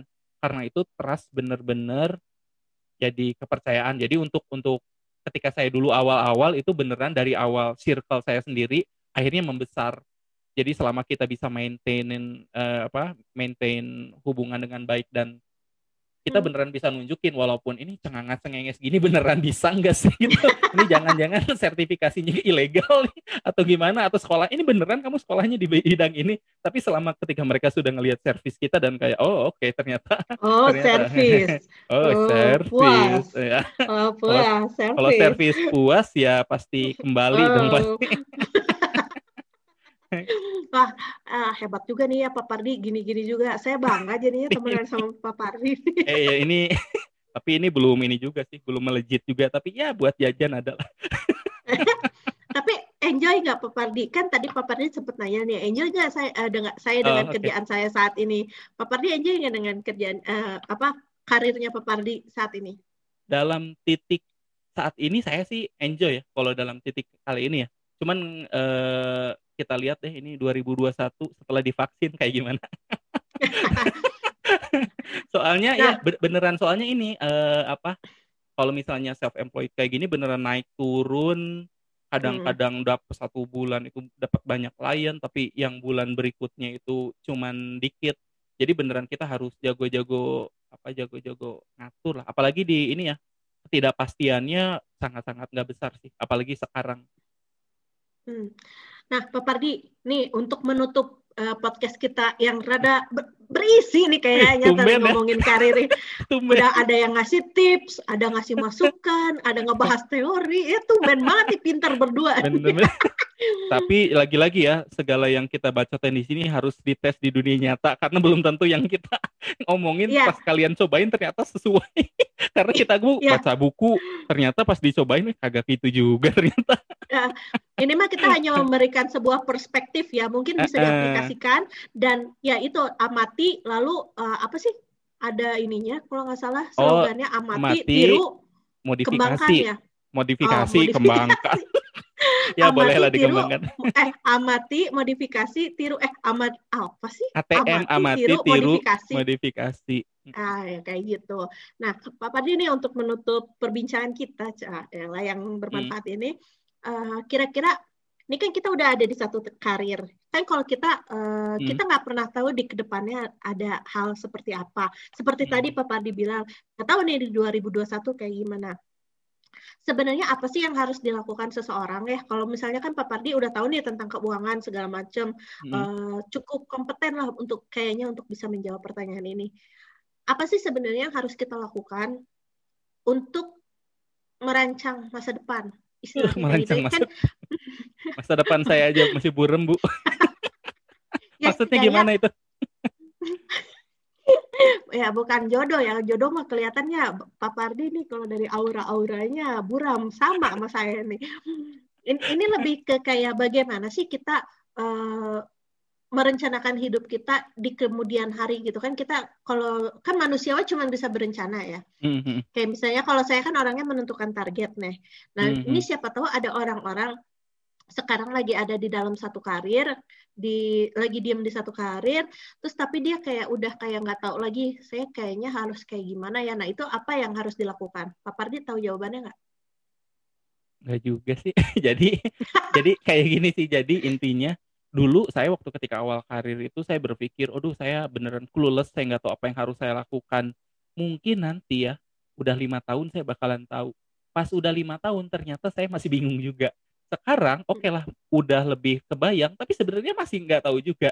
Jadi itu beneran proses pembelajaran yang bakalan hmm. terus menerus kita cuman bisa belajar dari apa yang apa yang orang lain lakukan dan kita lakukan. Terus uh, intinya sih kalau saya sih tetap menikmati proses sih intinya sih.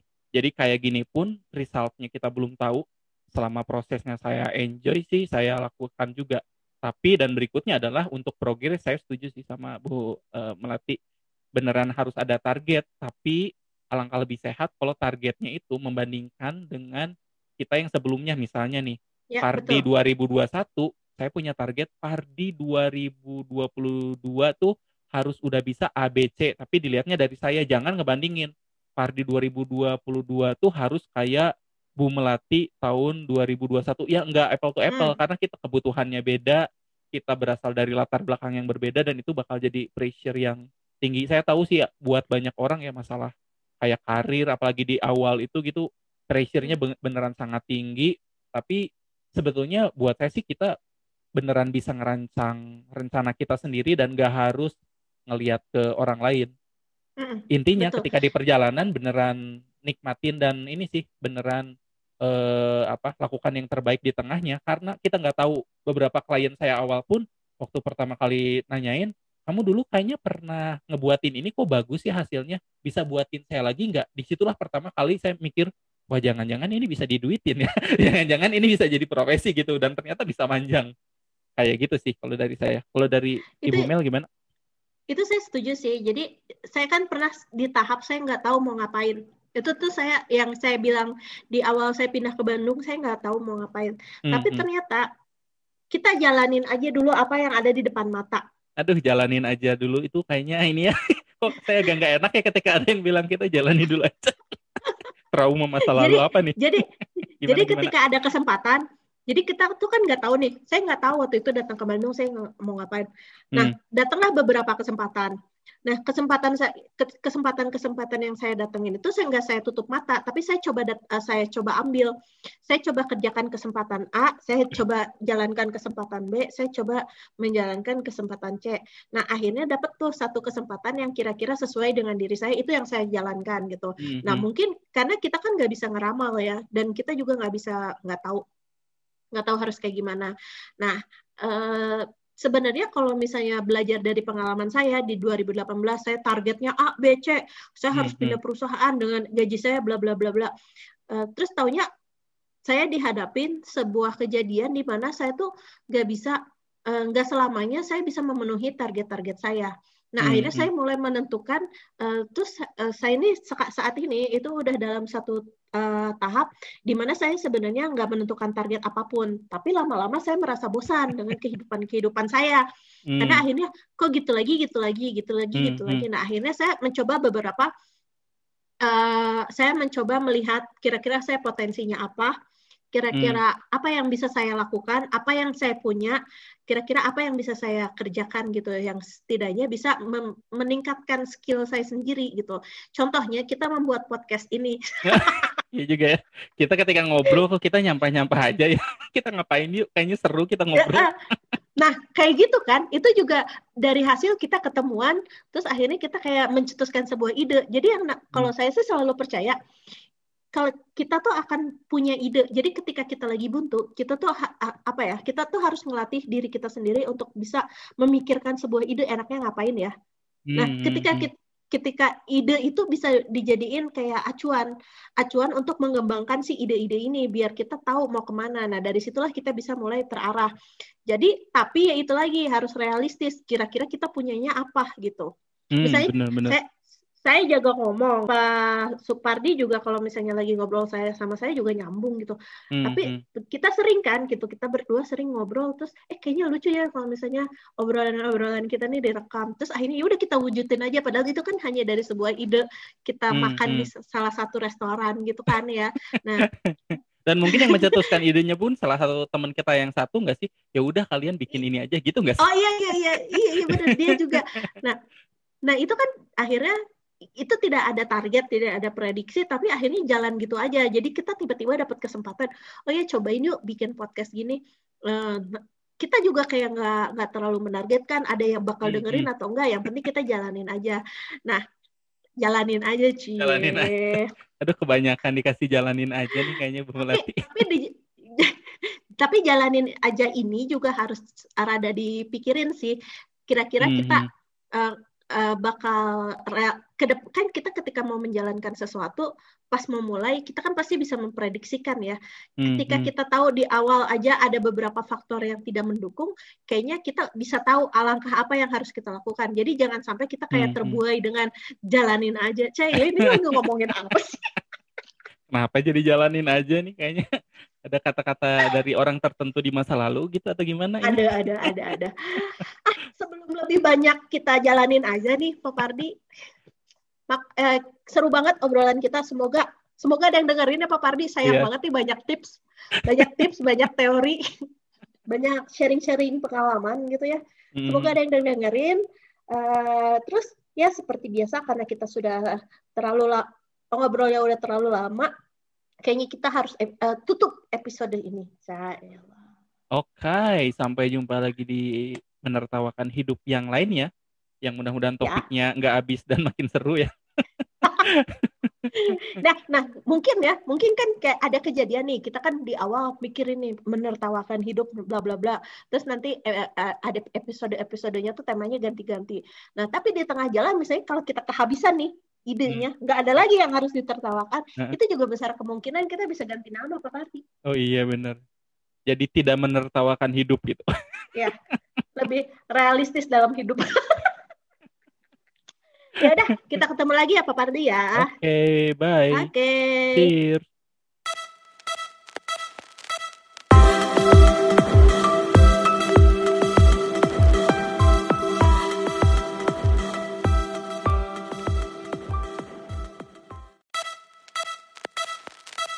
Halo, halo. Nah, kita sekarang halo, halo. ada di bagian kedua dari ngomongin pengalaman kita waktu awal-awal karir ya. Ya, betul. Menertawakan awal karir. Dan tadi juga kita ya. udah sempat ngomongin mengenai agak-agak saya nggak tahu ya kalau anak-anak sekarang mungkin ketika awal karir udah banyak duit ya soalnya waktu hmm. kita kayaknya agak-agak cekak gitu ya awal-awal karir jadi kita harus ngakalin supaya itu cukup cukup semua kalau dari Bu, Bu Mel kayak gimana pengalamannya nih? Nah, jadi kan waktu uh, waktu setelah saya tuh baru bener-bener punya jadi kan waktu saya cerita saya tuh punya tabungan mm. pertama kali waktu saya jadi atlet tuh saya jadi penjaga toko kan tapi mm. ya itu mah nggak nggak seberapa soalnya mm. uh, uang tersebut tuh kalau nggak salah kepake waktu ngebiayain uh, ayah saya waktu itu kan ayah saya sempat sakit sebelum meninggal gitu kan. Mm -hmm. Nah akhirnya berarti tabungan saya tuh baru terisi ulang itu ketika saya pulang dari Indonesia mengajar. Jadi tuh saya okay. uh, tetap bisa nabung di sana karena di sana kan kita nggak jajan apa-apa gitu ya. Mm-hmm. Jadi saya cukup menabung dan waktu itu saya tuh uh, punya salah satu teman penempatan saya tuh pernah bilang kita tuh harus bisa nabung. Caranya mm-hmm. gimana? Itu tuh ada kayak ada kayak presentasinya gitu. Mm-hmm. Kayak aku lupa sih sebenarnya dia ngomong gimana. Pokoknya dibagi menjadi tiga bagian. Jadi dari 100% penghasilan itu 40% kamu pakai buat kehidupan sehari-hari, mm-hmm. jajan segala macam rupa. Mm-hmm. 30% kamu buat nabung. Mm-hmm. Nah, 30% yang lagi itu kalau bisa selain kalau misalnya kamu nggak nabung, kamu belinya cicilan, pakai cicilan gitu. Untuk cicilan oh. lah istilahnya. Jadi biar apa? Biar si uang ini teh nggak jadi eek. Oh iya iya iya. Jadi memang jadi, salah satu apa? Salah satu yang paling gampang itu dibagi-bagi presentasi dengan jelas kayak gitu ya. Iya. Hmm, ya jadi biar apa kenapa jadi uh, buat cicilan ini karena uh, biar itu biar kita tuh dari ada ada wujudnya si gaji kita tuh bukan hanya jadi tabungan tapi juga dia tuh ada wujudnya gitu kan. Kalau nggak salah kan ada teorinya kalau manusia itu kan nggak punya nggak pernah puas ya. Jadi kalau misalnya kita udah punya uh, barang ini dan berhasil uh, kita akan punya target lagi barang lain. Nah, itu istilahnya memotivasi diri kita. Ya mungkin Pak Pardi yang orang ekonomi lebih paham yang kayak gitu ya. Nah, benar nggak tuh teorinya Pak Pardi? Kalau misalnya kayak gitu ya sebetulnya karena ini sosial, jadi banyak ini ya banyak banget eh, banyak banget teori dan beneran nggak ada satu satu yang bener, nggak ada beneran hmm. satu yang hmm. bener. Kita ikutin sesuai dengan konteks dan keinginan kita. Karena nih oh, misal kecocokan ya. Misalnya nih saya misalnya ah kalau saya sih contoh ya si A kata si A kalau saya sih yang penting saya punya rumah, saya punya kendaraan, anak saya sekolah. Udah. Itu beda pendekatannya tentu dengan orang lain yang pokoknya saya harus punya lima perusahaan, harus punya hmm. kayak gini. Kan beda ya. Uh, hmm. beda bakal beda pendekatan dan beda strategi juga gitu. Cuman hmm. memang eh, salah satu yang paling sederhana yang waktu diterapin walaupun agak kurang disiplin waktu masih awal-awal, saya juga pakai mirip-mirip presentasi kayak gitu, cuman kalau saya presentasinya agak beda. Kalau saya itu 50 30 20. Saya lupa ini baca hmm. dari mana gitu. Kalau ini agak mirip sih 50% itu adalah uang maksimal yang kita pakai untuk uh, sehari-hari kebutuhan sehari-hari buat ongkos, buat makan, bayar kosan itu tuh maksimal 50%. Nah, si 30% maksimal lagi-lagi ini 30% maksimal. Ya kalau misalnya kamu pengen membayi apa apresiasi diri kamu sendiri lah buat nonton kayak buat jadi beneran apa yang kamu pengen. Nah, yang 20%, hmm. sisa 20% minimal, jadi minimal Nabung. 20%, heeh, bisa untuk itu untuk yang urgent. Yang pertama adalah e, buat nabung kalau misalnya udah ada tabung. Jadi kita itu harus punya semacam uang cadangan sebetulnya. Itu tuh hmm. biasanya adalah idealnya 6, 6 bulan sampai satu tahun dari pengeluaran kita. Jadi contoh nih satu satu bulan itu saya misalnya butuh keluar untuk bayar lain-lain itu 2 juta nih. Berarti hmm. minimal saya punya buffer 12 juta. Soalnya kalau misalnya saya tiba-tiba dipecat atau misalnya kalau yang usaha usahanya rugi terus, jadi saya bisa hidup selama enam bulan tanpa nyusahin hmm. orang lain. Nah, kalau hmm. si buffernya ini udah cukup, barulah kita, si 20% minimalnya ini bisa kita pakai buat contohnya itu buat investasi. Apakah beli reksadana lah kalau sekarang apalagi beli saham asal jangan ikut-ikutan ya. Jangan ikut ikutan hmm. wah ini ada akun Instagram jago saham misalnya. Terus dia kamu beli ini semuanya beli. Padahal kita nggak tahu cara analisanya. Pokoknya investasi hmm. ke hal yang kamu tahu dan relatif aman. Kayak gitu sih. Jadi hmm. memang banyak dan banyak banget itu tuh. Ada yang 30 30 20 20 ada yang gitu-gitu. Cuman kalau saya berhubung tidak terlalu cerdas yang tiga aja deh pembagiannya yang yang yang gampang misalnya yang tadi yang 30 juga kalau misalnya kalian pengen ngasih sesuatu atau pengen beramal di yang 30 persennya kayak gitu sih. Hmm. Itu intinya mah cocok-cocokan ya pembagiannya pokoknya tapi yang penting dimulai kalau mau mulai nabung adalah mulai dengan presentasi-presentasi tersebut benar nggak Pak Pardi? Iya betul betul karena kan kita nah. juga nggak bisa ngejudge orang lain kok kamu cuman nabungnya cuma lima persen kan kita nggak tahu bisa aja adik dia harus ngebiayain adiknya kuliah Iya betul. Bayarin utang orang tua kan kita nggak tahu. Jadi uh. kalian cari tapi beneran kuncinya adalah di disiplin sih sebetulnya. Beneran ya, harus betul. janji misalnya saya harus ma masukin 300 ribu misalnya ke satu hmm. rekening. Biasanya salah satu strateginya kayak gitu. Jadi dibedain rekeningnya. Punya beberapa rekening ya. Betul, betul. Jadi pokoknya hmm. tiap bulan misalnya ya udah sesuai janji kita aja mau 300 ribu, mau satu juta, mau 100 ribu nggak apa-apa asal tiap bulan pas dapat penghasilan masukin, masukin kayak gitu. Jadi nggak kerasa gitu tiba-tiba oh hmm. udah punya duit segini kayak gitu sih. Hmm. Nah, kalau saya waktu itu, kalau saya pribadi ya, untungnya saya tuh nggak punya tanggungan. Jadi kan saya belum berkeluarga hmm. tuh ya. Saya belum hmm. berkeluarga, terus uh, alhamdulillahnya keluarga saya juga bisa menghidupi diri dia sendiri kayak ibu saya atau enggak hmm. kakak saya waktu itu kan. Jadi emang emang saya tuh bekerja emang untuk diri saya sendiri. Jadi di situlah uh. uh, saya uh, saya bisa menabung gitu. Mungkin kalau saya punya tanggungan agak sulit untuk menabung, tapi eh, saya mungkin punya kelebihan di tidak punya tanggungan. Jadi di situ saya udah bisa mulai nabung kali ya. Karena orang yang punya tanggungan dan tidak punya tanggungan juga kalau ngomongin tabungan kan rada-rada sulit ya kak uh, Pak Pardi ya.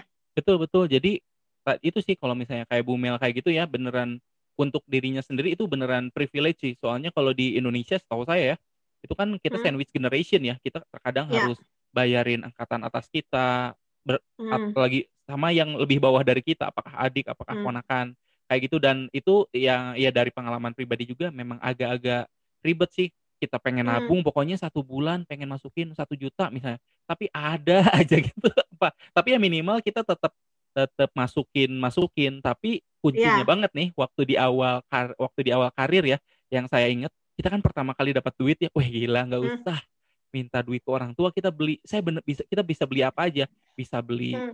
dulu saya pengen PS wah bisa beli PS pengen beli jaket yang ada mereknya wah bisa beli juga nah hmm. kuncinya hmm. adalah beneran ini nampak standar tapi sangat sekali susah karena kan kita kaget ya dapat uang ya. Kita hmm. tuh beneran harus ngebedain antara ini sih keperlu uh, need sama want sih. Terkadang ini kita ya, butuh betul. atau beli misalnya kalau laptop ya kalau saya waktu itu ah beli. Wah kayaknya saya memang butuh laptop. Beli aja yang berapa gitu 3 juta. Saya nggak saya nggak perlu laptop yang 25 juta gitu. Hmm. buat apa? Dicicil mahal-mahal. Bukan nggak kepake karena juga fungsinya sama saya. bu Ya, karena fungsinya hmm. mungkin fitur-fiturnya juga nggak terlalu cocok kan, gitu. Betul. Jadi intinya beli barang yang emang benar-benar cocok, terus emang Butuh. kita perlukan gitu sesuai fungsi fungsinya aja.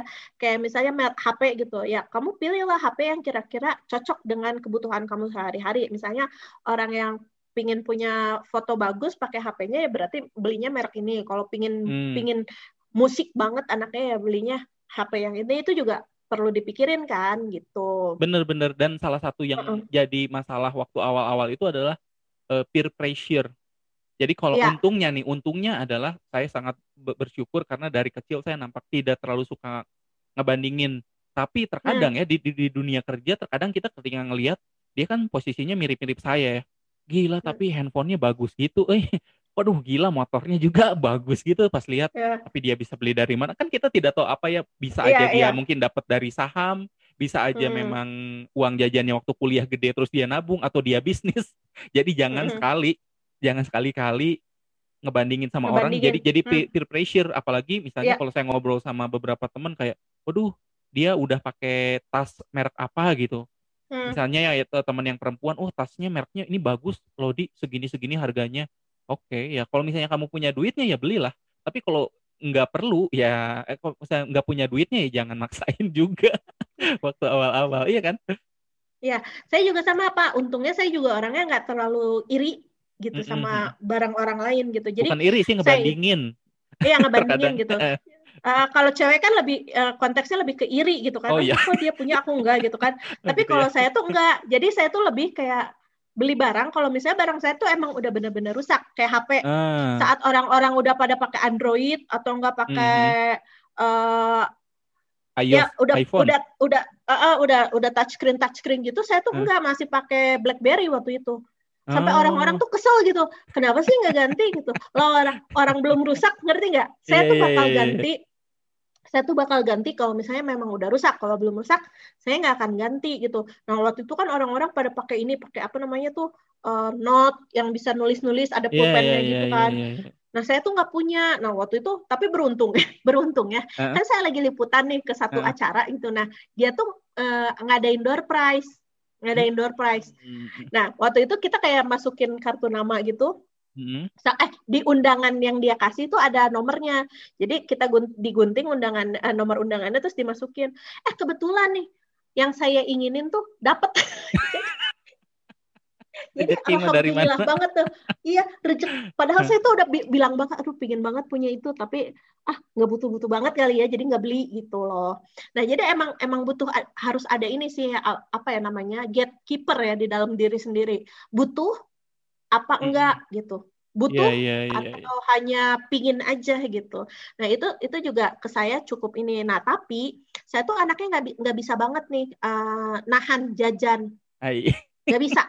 Jadi kalau barang kalau barang itu tuh saya bisa kuat ya kalau nahan. bahan bisa bisa kuat belanja apa itu saya bisa baju apa uh, hmm, saya hmm, terus hmm. saya kan juga anaknya nggak nggak make upan gitu ya. Jadi saya nggak hmm, hmm, butuh uang untuk make up saya nggak dan saya juga nggak terlalu suka beli baju gitu ya. Hmm, hmm, tapi saya tuh anaknya jajan banget jajan banget. Jadi uh, awal tabungan yang tadi saya cerita, saya tuh hanya punya tabungan sisa dari saya kerja di Indonesia mengajar.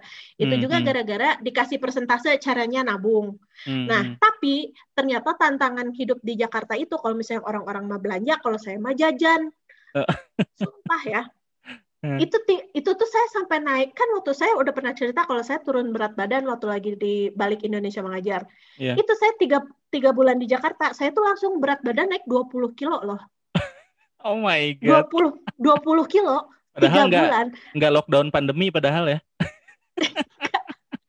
itu kenapa bisa kayak gitu? Karena itu saya jajan. Jadi karena saya tuh baru banget tinggal, uh. saya tuh kan ngekos di Jakarta itu. Uh. Saya tuh ngekos. Jadi baru pertama kali saya tinggal di luar rumah tanpa ada pantauan dari orang tua.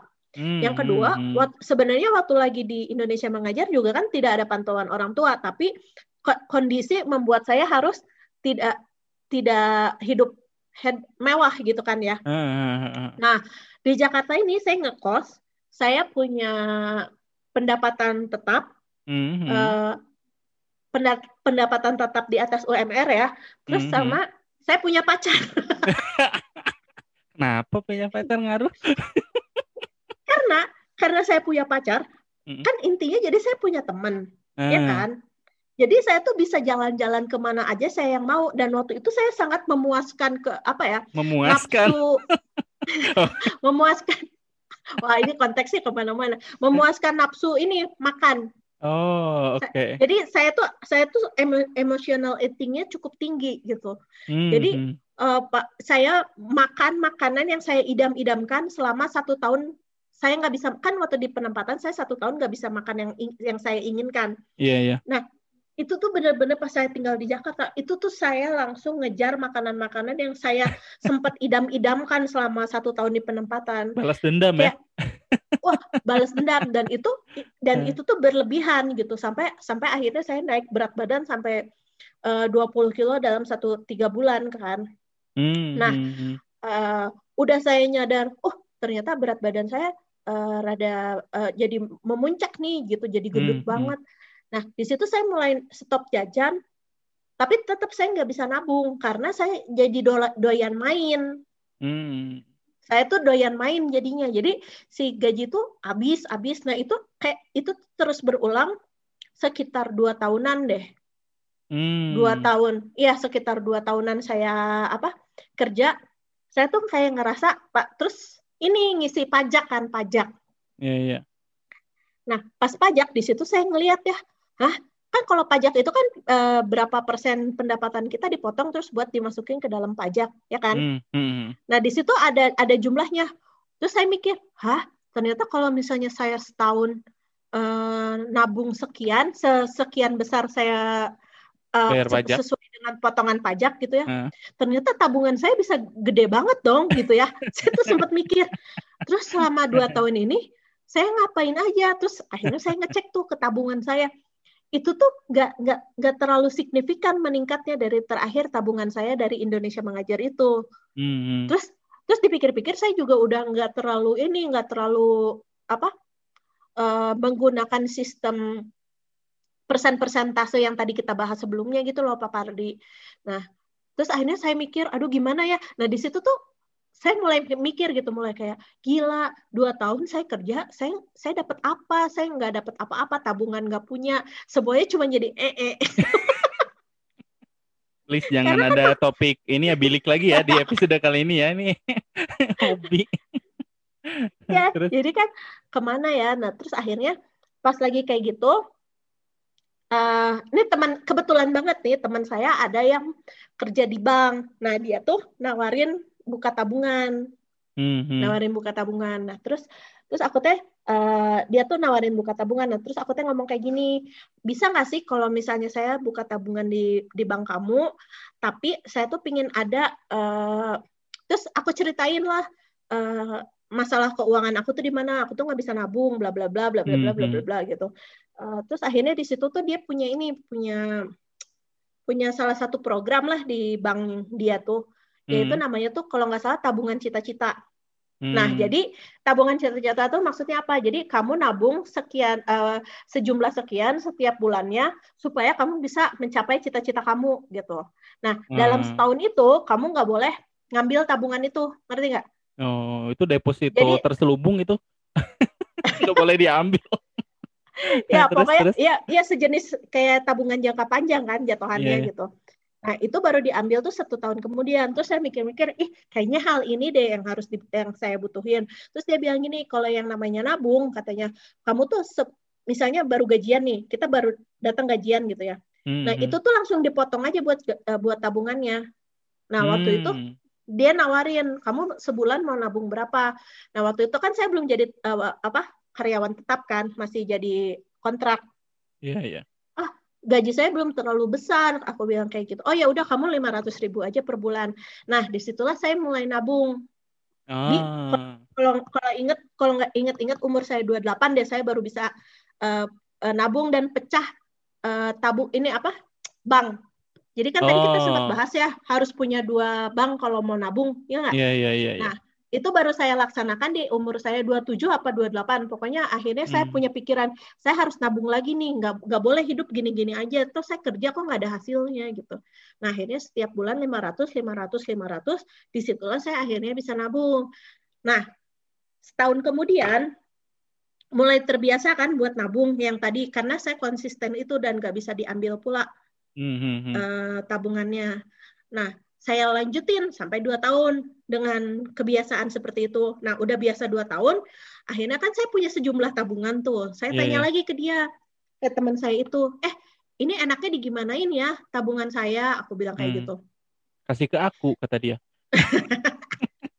enggak lah akhirnya dia dia nyaranin lagi nah ini sebenarnya eh, keuntungan sih kalau misalnya kita punya teman dari perbankan dan dia Hmm. tuh memberikan solusi masalah keuangan kita karena Hmm. nggak semua orang tuh jago buat ngatur keuangannya kayak saya kan juga saya nggak jago cuman untungnya sih teman Hmm. saya jago dan dia memberikan solusi toh gara-gara dia juga kerja di bank tersebut gitu nah akhirnya dia bilang sayang ini uang kalau cuman didiemin di tabungan aja karena eh, ha- hanya mengandalkan si bunga bank aja karena juga dia juga suka dipotong sama oh ini kan eh, apa sih kalau setiap bulan tuh dipotong sama apa ya administrasi, administrasi. administrasi ha, Hmm. biaya administrasi akhirnya dia menyarankan saya untuk buka deposito jadi uang saya yang dua tahun itu eh, tabungan saya yang dua tahun itu saya masukin deposito nah di situ Ah. saya mulai mulai ngerasa wah asik juga ya nabung gitu ngerti nggak Iya, nah iya, di situ iya. saya mulai kayak ketagihan buat nabung nah Duh, eh, ketagihannya nabung ya positif banget. iya, Orang positif mah narkoba ini mah menabung. Ah. nah, apalagi pas saya udah naik jabatan itu, eh belum sih belum, masih tetap jadi masih belum naik jabatan. Nah, akhirnya tapi saya punya target. Akhirnya setelah saya tahu saya punya tabungan, saya punya target.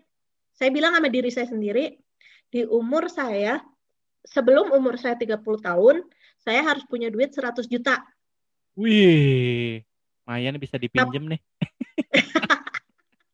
terus terus. Ini nih yang kayak gini kayak gini nih. Nah, tapi karena saya punya target kayak gitu, justru eh, gimana ya namanya hidup kan harus punya. Kalau saya pribadi, saya Iya. tuh harus punya target. Kalau nggak punya Hmm. target, saya tuh nggak semangat gitu. Kan setiap orang beda ya. Iya Nah, iya. kalau iya. saya, saya itu yang membuat saya semangat untuk bekerja atau berkarir itu ya itu saya punya target gitu. Nah, oh ya di umur 30 saya harus punya uang 100 juta dan itu tuh saya sempet ngirit banget Pak Pardi. Akhirnya Hmm. saya bisa ngirit. Hmm. Eh, itu tuh saya sempat menantang diri saya sendiri sehari cuman boleh ngeluarin duit 20 ribu. Oh, itu makan warteg sama es kelapa berarti sehari. Gimana? Jadi eh, pokoknya saya tuh nyari menu makanan semurah mungkin. Hmm. Terus saya nasinya bawa dari kosan, jadi saya beli beras bulanan gitu. Oh, Terus iya, saya iya. masak sendiri berasnya, jadi tinggal beli lauknya aja. Nah, pagi-pagi itu saya sarapannya roti. Roti kan kalau misalnya harganya kan paling cuma 16.000 ribu ya. Tapi dia Hmm. bisa dipakai sekitar eh, bisa dimakan sekitar 3 atau 4 hari. Nah, lumayan pagi-pagi roti, siang-siang eh, beli jajan, malam-malam beli jajan lagi lauknya doang karena nasinya udah ada kayak gitu. Masak sih Ah. lebih tepatnya. Nah, dari situlah saya mulai bisa ngatur keuangan saya. Akhirnya saya bisa membeli apa yang saya mau apa ya, terus Ah. saya bisa pergi ke mana pun saya mau pergi karena pada akhirnya saya bisa nabung dan eh, cukup ini cukup bisa mengatur keuangan pada akhirnya gitu pak. Bener Kalau Pak Pardi sendiri gimana? Eh bener sih yang yang pertama tadi yang kita bagusnya ada ada target itu memang supaya ada progres bagusnya kayak gitu ya. Cuman ya lagi-lagi tiap orang beda-beda ya. Ada yang Mm-mm, pokoknya betul. saya harus eh, punya nominal tertentu, ada ada juga yang saya pokoknya pengen tahun segini sekolah lagi jadi nabung untuk sekolah itu. Jadi betul. jadi dan kalau misalnya nggak kayak gitu, kita bakalan ini sih beneran bakal habis buat pengeluaran pengeluaran yang nggak kerasa tapi pas dihitung-hitung gede. Misalnya tadi jajan, beli makan martabak misalnya, terus beli oh ini lucu nih tasnya seratus ribu ya udah deh beli aja gitu dan itu kan apa nggak nggak kerasa ya dan untuk untuk hemat gitu memang waktu awal-awal mah ini ya kayak aduh udah kerja tapi segala ngehemat harusnya kan saya bisa menghibur diri sendiri apresiasi diri sendiri dan itu buat saya sih itu butuh ya. Nah masalahnya buat apresiasinya milih yang mana? Mau yang mahal atau yang murah? Kalau saya ngakalinnya biasanya kebetulan mungkin apalagi kalau tadi kayak tadi ya pas punya pasangan kan nggak mungkin ya cuman WhatsAppan doang nggak ketemu nggak jalan-jalan gitu kan nah bisalah nyari alternatif alternatif yang murah. Kalau saya sih waktu itu yang murah asal menyenangkan asal kita tahu. Contoh nih ya kalau saya biasanya suka aduh pengen jalan-jalan tapi kalau ke mall kita minimal buat makan udah berapa? Belum minumnya berapa? Pokoknya belum lagi lihat aduh ini bagus. Belum lagi aduh ini bioskop. Aduh pengen nyobain yang agak mahal. Wah jadi banyak ya. Jadi tadinya cuman pengen muter-muter doang jadi mahal. Nah biasanya saya apa ngakalinnya ke nyobain ke acara-acara yang buat saya seru. Ini belum tentu seru buat orang lain ya, tapi relatif murah dan buat orang tiap-tiap beda. Misalnya nih, saya suka nyari tuh biasanya kalau zaman dulu misalnya ada festival apa yang murah cuman kalau di Bandung tuh ya dua puluh ribu tiga puluh ribu saya pernah kayaknya pertama ke festival dongeng misalnya. Jadi dongeng di hutan kita datang ke hutan ngedengerin bapak-bapak ngedongeng. Ya udahlah. Kapan lagi saya ngedengerin? Oh kayak gitu. Terus kalau enggak e, misalnya nonton teater tapi kan teater lumayan mahal ya kalau yang apalagi yang udah terkenal kayak koma tapi nih bisa banyak tuh klub-klub teater yang ngadain semacam mini pertunjukan. Kalau enggak, yang saya sering datengin itu teater tapi anak-anak SMA. Tapi kan mereka niat kan, tapi mereka kan seneng kalau banyak yang datang, jadi harganya itu empat puluh ribu, lima puluh ribu saya datengin.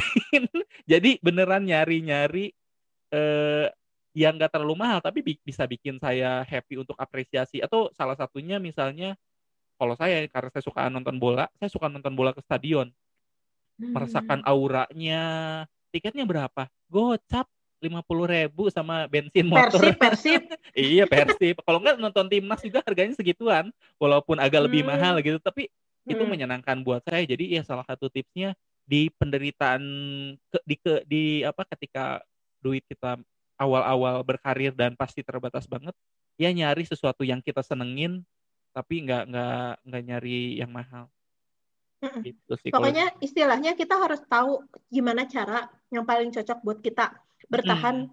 Karena di awal karir tuh enggak enggak selamanya kamu langsung kayak menyelesai, menyelesaikan semua masalah. Ya itu hmm. tadi kayak kayak misalnya kalau saya jadi kayak uh, di atas angin gitu kan, di atas awan hmm. berasa oke okay gitu. Tahunnya dua tahun nggak nggak nabung kan. Oh ternyata capek-capek kerja tahunya nggak ada nggak ada hasilnya nggak kelihatan hasilnya gitu. Jadi itu penting banget sih. Jadi kalau misalnya di, kita baru banget merintis karir, kita juga harus mikirin uh, pengaturan keuangan kita seperti apa, kayak gitu Pak. Betul betul nah, betul. Nah itu juga berkaitan dia sama yang namanya jenjang karir, yang kita hmm. udah bahas di episode satu kan. Iya, iya. Nah si jenjang karir ini juga kan bisa meningkatkan pendapatan kita yang artinya uh, kita justru bisa lebih nabung lebih tinggi gitu. Hmm. Nah Uh, tadi uh, di episode aku di episode satu juga kan aku pernah cerita nih kalau misalnya uh, setelah aku dipilih menjadi editor terus aku kayak ngerasa kok aku gini-gini aja ya dan aku berpikir untuk uh, ganti karir yeah, yeah. atau enggak hmm, pindah hmm. ke media lain untuk berkarir gitu kan iya yeah, iya yeah, iya yeah. nah ada satu kejadian nih ada satu kejadian di mana saya harus pulang ke Bandung oke okay. gitu jadi ada satu kejadian yang mengharuskan saya pulang ke Bandung. Bukan hanya pulang, tapi istilahnya saya for good gitu, menetap di Bandung gitu. Oh, artinya karir pun di... harus berpindah ke Bandung berarti ya? Padahal kan tadinya saya tuh udah ada target itu tuh saya ingat yep. banget itu tahun 2018. Nah saya hmm. tuh udah menargetkan diri saya di tahun 2019 itu saya harus punya pekerjaan yang penghasilannya tuh sekian gitu. Jadi okay. udah ada target. Oh. Kalau misalnya saya tetap di kantor saya yang lama, saya nggak bisa nih mencapai target tersebut. Jadi saya tuh udah mempersiapkan diri untuk pindah saat itu tahun 2018. Hmm, hmm, hmm. Eh, tahu-tahu sama semesta di ini ini di dijabah, hmm. ditangkap keinginan saya, tapi ternyata bukan untuk menjadi lebih tinggi, hmm. untuk untuk bukan ka, apa men, menaikkan jenjang karir gitu. Justru istilahnya saya mendapat itu yang tadi saya bilang saya harus pindah ke Bandung yang mana saya nggak bisa nih mendapatkan saya tidak bisa mewujudkan target saya di Bandung karena seperti yang kita tahu Bandung kan UMR-nya di bawah uh, Jakarta. Jakarta kan. Oh, nah, maksudnya jadi, menurun itu uh, dari ini ya konteksnya tingkat penghasilan ya sebetulnya. Tingkat penghasilan pun karir. Oke. Okay. Uh, uh, jadi jadi waktu itu kan saya pinginnya waktu saya men, kalau saya tetap di Jakarta saya ingin uh, di di apa ya di tipe karir yang sama tetap di dunia media tapi pindah perusahaan yang bisa sekiranya memberi penghasilan lebih tinggi atau bisa menjanjikan jenjang karir. Nah, tapi ternyata kan uh, alam semesta menjawab yang lain ya, C. Yeah, yang maha kuasa, C. Menakdirkan yang lain. Jadi saya harus pulang ke Bandung. Nah, waktu itu saya sempat galau jadi saya tuh pindah ke Bandung tanpa rencana Pak Pardi. Hmm, oke. Jadi istilahnya yang tadinya roda udah di atas, Hmm, itu hmm. roda nurun lagi ke bawah nih. Nah, Oke. roda nurun lagi ke bawah. Nah, itu benar apa yang Papa dibilang. Kalau misalnya kita punya tabungan, itu tuh bisa menanggung hidup kita sekian waktu ke depan sebelum kita bisa membenahi diri kita sendiri. Nah, itu tuh saya sempat Hmm. hidup dari tabungan-tabungan saya itu yang saya kumpulin di Jakarta. Untung saya udah nabung waktu itu. Hmm. Nah, eh, tapi saya sempat mikir kayak gini. Eh, terakhir jabatan saya kan editor. Tapi kalau misalnya saya pindah ke Bandung, belum tentu saya bisa mendapat jabatan yang sama. Kalau saya kerja di Hmm. perusahaan media gitu, pasti nanti saya mi- diminta karirnya dari nol lagi dong. Dari Gitu, awal lagi ya, apalagi pindah media gitu ya. Ya, nah waktu itu saya sempat eh, konsultasi sa- sama salah satu teman saya dan dia tuh eh, bisa dibilang konsultan karir lah gitu karena dia Hmm. eh, dosen di salah satu universitas swasta yang membahas tentang manajemen gitu lah ya. Hmm, hmm. Nah waktu itu saya konsultasi sama dia, gimana nih bang enaknya? Soalnya eh, kalau misalnya saya ngulang lagi dari awal, dari jadi wartawan lagi, kok kayaknya eh, saya jadi kayak apa ya? eh, tidak meniti jenjang karir di sini. Jadi waktu itu saya sempat Mhm. kayak nggak mau nggak mau ngulang gitu. Nah waktu itu salah satu eh, masukan dari dia adalah eh, emang j- kayaknya jangan kalau misalnya ngulang lagi suatu suatu karir dari nol, apalagi mengulang jenjang yang sama gitu. Lebih baik mengulang dari nol tapi tapi karir yang baru. Jadi tidak di bidang yang sama. Oke, oke. Membuka Waktu peluang di bidang dikasih- baru berarti ya. Ya, Hmm. Jadi waktu itu waktu itu pernah di, diusulin kamu buka bisnis aja atau kamu eh, cari bidang lain yang kira-kira sesuai dengan kamu. Nah waktu itu kan saya udah pernah bilang kalau saya orangnya nggak jago di bisnis. Hmm, hmm, hmm. Tapi untungnya waktu itu ada tawaran nih jadi editor tiba-tiba Hmm, hmm. di Bandung. Jadi saya jadi kayak koordinator di Bandung gitu di kota Bandung salah satu media online di Jakarta. Nah dia tuh kayak medianya udah cukup terkenal juga media online terkenal. Nah waktu itu dia menjanjikan posisi editor kreatif. Hmm, hmm. Saya diwawancara nih ikut uh, wawancara uh, ikut sesi saya masukin aplikasi diterima terus saya masuk wawancara terus saya ng- ngikutin tahap sampai ke usernya Hmm. bahkan sih bahkan saya udah kayak nego gaji. Dengan si user ini, dengan HR-nya. Ah, sama HR sama user sama HR-nya dulu Hmm, hmm. nah terus udah gitu ditanya kamu mau gaji berapa nah aku lupa ini udah pindah pindah ini pindah apa Pindah daerah ya, Pindah- konteksnya juga pindah udah daerah. beda. Hmm, hmm. Mm-mm, aku tuh bener-bener lupa. Jadi aku minta gaji yang lebih tinggi daripada gaji aku yang sebelumnya. Oke. Nah, di oke. sini di sini nih aku salah salah walaupun waktu di awal kan aku bilang tentang nego gaji segala macam lupa.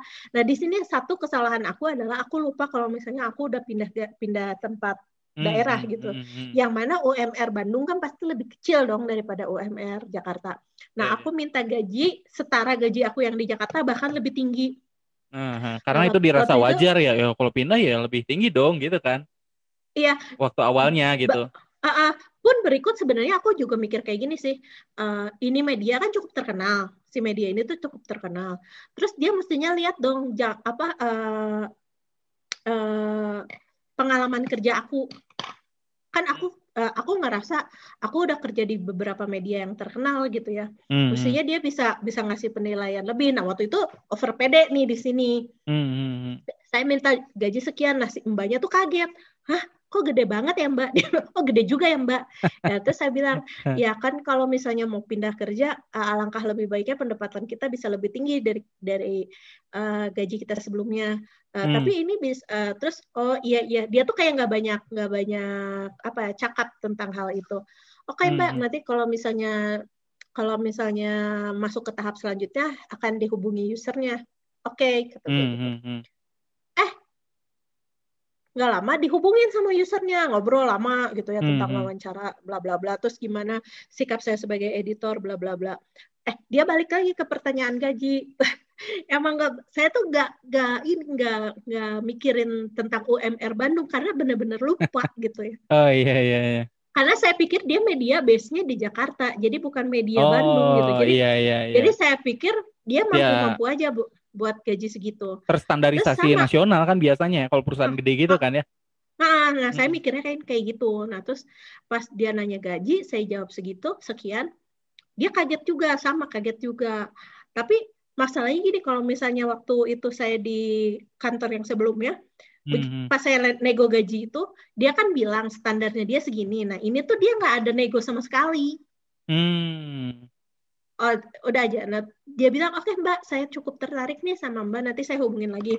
Tapi ternyata nggak dihubung-hubungin lagi. Kayaknya mungkin karena over, apa ya, saya minta gajinya terlalu tinggi. Nah, itu sebuah pembelajaran juga nih buat saya, jangan sampai over pede.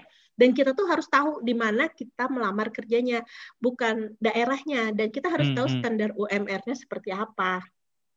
Nah, gagal nih ya, udah gagal akhirnya jadi, jadi bekerja lagi di bidang media akhirnya saya ingat kata-kata teman saya lagi ah ya udahlah ini mah saya harus ngawalin karir dari nol akhirnya pindah saya banting setir balik lagi ke pendidikan dunia Oh. pendidikan Hmm. Nah, ah, akhirnya saya eh, ditawarin sama salah satu teman ini alumni pengajar muda juga kamu mau nggak kerja jadi guru lagi gitu oh mau boleh deh kata emang kamu lagi belum kerja belum ya udah cobain aja ngelamar Mhm. saya cobalah ngelamar di se- se- sekolah ini. Nah, ada ada cerita juga nih, ceritanya sama-sama lagi dengan pengalaman Aduh. saya di Jangan telat lagi nih. Nah, kali ini Enggak, nggak telat Kak. Oh, Oke. Kali, kali ini. Tapi ini ceritanya lebih, lebih tapi saya telat ngumpulin berkas-berkas gara-gara Oke. ada ceritanya. Gimana Ada gimana? ceritanya. Jadi untuk masuk sekolah ini, guru itu harus bikin esai. Oke. Oke. Nah, si esai ini dia tuh mintanya eh, 3000 karakter, Ah, oke? Karakter ya. Oke. Saya tuh salah salah baca. Nggak? 3000 kata. Oke. Jadi lebih banyak Oke. dong. 3000 kata. Nah, sementara kalau 3000 kata itu kan berarti ada sekian puluh halaman kan? Iya iya. Nah, saya tuh ngerjain gak selesai. Nah, saya tuh waktu itu pakai bahan bahan tesis saya. Hmm. bahan tesis karena dia minta 30 kata kan ini mau minta jurnal ilmiah atau kayak gimana nih sekolah katanya Mhm. terus saya, ini susah banget sih mau masuk eh, sekolah ini buat jadi gurunya aja nah Iya. terus di- di- terus akhirnya kan dia tuh buka tiga tiga batch ya tiga Hmm. tahap Hmm. eh, eh jenjang tiga jenjang gitu jenjang pertama dua tiga untuk bisa masuk ke dalam eh, bukan tiga sih apa ya golongan batch batch itu apa sih bahasa Indonesianya Tiga. ya, ini maksudnya tiga step Gelombang. yang step. tiga- Gelombang. Oh tiga gelombang. Ah, ah, jadi ada gelombang satu, gelombang dua, gelombang tiga kalau mau masuk ke si sekolah tersebut. Nah, saya Hmm. tuh udah didaftarin di gelombang pertama, Hmm. ditelepon, kumaha, jadi enggak, jadi jadi, tapi belum selesai nih esainya kata gitu. Eh, Lama pisan cina, nyanya tuh aku teh ngomongnya 3000 kata, aku bilang teh kayak gitu. eh, Tiga- Terus dia teh, ya bisa tuh kan kamu teh jurnalis, jurnalis juga atau mikir 3000 kata mah. Aku tuh lupa entah 3000 apa 6000 ya, pokoknya lupa. Pokoknya Ah, sekitar ah. ribu-ribuan gitu. Nah, di gelombang kedua gak datang lagi terus ditelepon lah sama si teman aku teh kok kamu gak datang lagi sih kemarin eh udah dibilangin belum selesai katanya gitu ih lama-lama Hmm, hmm. banget sih terus tapi kamu masih minat nggak dia teh ngomong kayak gitu minat Hmm. minat kata aku teh gitu ya udah pokoknya ditunggu eh, ditunggu di gelombang ketiga aku ngomongin dulu sama kepala sekolahnya dia bilang kayak gitu jadi dia tuh Hmm. pingin banget aku teh masuk si sekolah ini gitu karena dia tuh Hmm. kayak yakin banget aku cocok gitu ya oh ya udah tuh eh, akhirnya aku tuh mencoba ya dengan niat akhirnya aku beresin tuh 3000 eh, berapa ribu kata itu dapatlah 30 halaman aku teh banyak pisan. Oh my god. pokoknya juga juga jurnal ilmiah gitu ya. Nah Juga terus akhirnya. Terus? Sudah gitu teh datanglah aku tuh ke sekolahnya ya. Datang sekolahnya terus diwawancara gitu. Nah terus eh, ikut-ikut ini sih ikut kayak pembukaan pembukaan. Jadi dia ngobrol-ngobrol dulu awal-awal sama kita. Buat di, di biar si kepala sekolah ini biar kita tahu gimana kondisi sekolahnya dan biar si kepala sekolahnya tahu kita cocok atau enggak sama Hmm, hmm. eh, sama kita gitu. Jadi saya teh datang belum masukin lamaran, belum masukin apa-apa, belum Hmm, masukin hmm. berkas sama sekali. Pokoknya disuruh datang aja hari itu teh. Hmm, Nah hmm. pas udah ketemu kepala sekolahnya, saya teh nyerahin tuh esainya. Hmm, hmm. Ini Pak, apa ini? Dia bilang kayak gitu ya. Esai yang diminta. Oh tebel ya. Dia, dia tuh sampai buka itu sih kayak bikin makalah kan. Eh, terus saya teh ketawa. Nah terus udah gitu pas udah selesai sesi sama kepala sekolah, saya teh janjian makan siang sama si teman saya yang kerja di situ teh. Eh, Eh kita makan siang yuk katanya gitu. Ayo makan siang. terus pas lagi makan siang teh kan kita tuh cerita cerita biasa dan dia juga pengajar muda ya jadi ketawaan cerita teh heboh gitu terus akhirnya sampai ngomong kayak gini uh, uh, melati kok kamu mah uh, bikin tulisan teh lama-lama banget terus aku teh bilang gini cing atulah sekolah kamu teh rada mikir makanya guru ditulis suruh nulis tiga ribu kata eh berapa ribu kata? Uh. hah? Kata? Kayaknya enggak deh. Orang-orang tuh uh, sampai 30 lembar aku teh ngomong itu ya. Uh. terus teman aku teh bilang kok 30 lembar? Kayaknya orang-orang cuma empat lembar. Empat lembar gimana sih? Kan katanya 3000 kata. Kayaknya enggak deh bukan kata deh. Kata? aku teh so-soan ngerasa pede bener ya ngegas uh-uh. ternyata pas dicek karakter wah gila sih itu ngakak ngakak nggak ada habis ya pantesan sih kepala sekolah teh pas nerima, nerima berkas aku teh kaget gitu hah ini tebel-tebel oh my nah, God. ya tapi tapi untung lah ya untung lah aku tuh diterima di si sekolah ini jadi entah kenapa hmm. pas aku memutuskan untuk uh, kayaknya aku jadi guru aja waktu itu belum ada tawaran ya dari si temen aku ini hmm, hmm, uh, aku tuh cuman ngelihat dua sekolah di Bandung, sekolah A sama sekolah B gitu. Nah sekolah B ini tuh sekolah yang ditawarin sama temen ini, yang hmm, sekolah A tuh uh, aku ngebaca-baca doang terus aku coba ngirim lamaran kalau ke sana sekolah A tapi nggak hmm. dipanggil. Nah kalau yang sekolah B aku cuma baca-baca profilnya aja tapi aku nggak mengirimkan apa pun gitu. Tahunya keterima di, di sekolah B. Nah berarti aku mulai lagi nih karir aku di uh, bidang yang baru, bidang yang hmm, baru hmm. dan semuanya tuh dimulai dari nol. Jadi istilahnya kalau yang namanya perjalanan karir kan tadi tadinya tuh aku udah merasa aku enak gitu ya tuh sudah punya target dan targetnya pingin ditinggikan eh ternyata kita tuh nggak bisa uh, bisa sih cuman kadang-kadang ada beberapa hal yang di luar kuasa kita yang membuat akhirnya rencana kita tuh tidak akan sesuai dengan uh, apa yang kita rencanakan kayak gitu Pak Pardi kalau cerita uh, perubahan karir aku nah sampai sekarang aku masih tetap berkarir menjadi seorang guru hmm, di enjoy, sekolah tapi... di Bandung. Uh, lumayan enjoy. Nah tadinya, tadinya saya saya nggak enjoy karena tadinya tuh saya minta uh, di jenjang usia dini sesuai hmm. dengan uh, eh, S2 saya kan tentang saya kan psikologi anak usia dini kan. Uh-huh. Nah saya tuh ditaruhnya justru jadi di sekolah SMA. Hmm. Uh, katanya uh, saya terlalu gimana ya wawasan saya terlalu luas kalau misalnya saya ditaruh di uh, jenjang kecil gitu. Terus hmm. berikut hmm. saya tuh orangnya jijian. oh takut mereka jadi, umbelan gitu, ingusan. Jadi gitu. pas pas lagi diwawancara kamu di jenjang mana? Terus saya bilang e, eh, TK. Terus apa yang kamu takutin kalau di jenjang TK? Saya takut cebok. emang itu tanggung jawab gurunya emang? ya ya kan mana kita tahu ya nggak sih? Iya, kalau misalnya ada ya. Terus terus kan saya takut cebokin terus dia tuh ketawa. Ternyata itu juga menjadi sebuah perhitungan. Akhirnya saya ditaruhlah di jenjang SMA nah menjadi guru SMA di kota Bandung yang notabene adalah uh, remaja apa ya tipe murid di kota Bandung dengan tipe murid di penempatan kita saat Indonesia mengajar itu berbeda gitu dan itu saya tetap apa pertama-pertama saya jadi guru SMA tuh saya shock loh menghadapi hmm, hmm. remaja zaman sekarang gitu dan kayak sempat apa ya uh, untuk mendapatkan respect mereka tuh susah.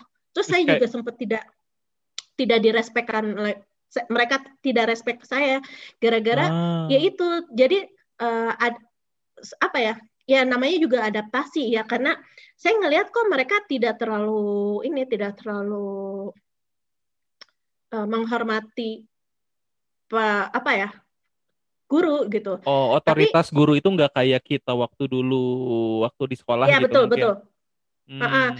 Nah, tapi ternyata saya juga salah di situ. Saya menganggap mereka seperti itu, tapi saya tidak mempelajari dulu bagaimana sih uh, remaja saat ini bagaimana sih remaja hmm. di kota Bandung yang hmm. notabene adalah kota besar. Nah, di situ juga saya salah. Ya namanya juga kan newbie ya, Pak. Yeah, namanya yeah, juga yeah. kita lagi nggak ada yang jadi saya juga kaget oh ternyata uh, kita tuh nggak bisa memperlakukan murid sama rata gitu. Karena uh. ada beda karakter-karakternya.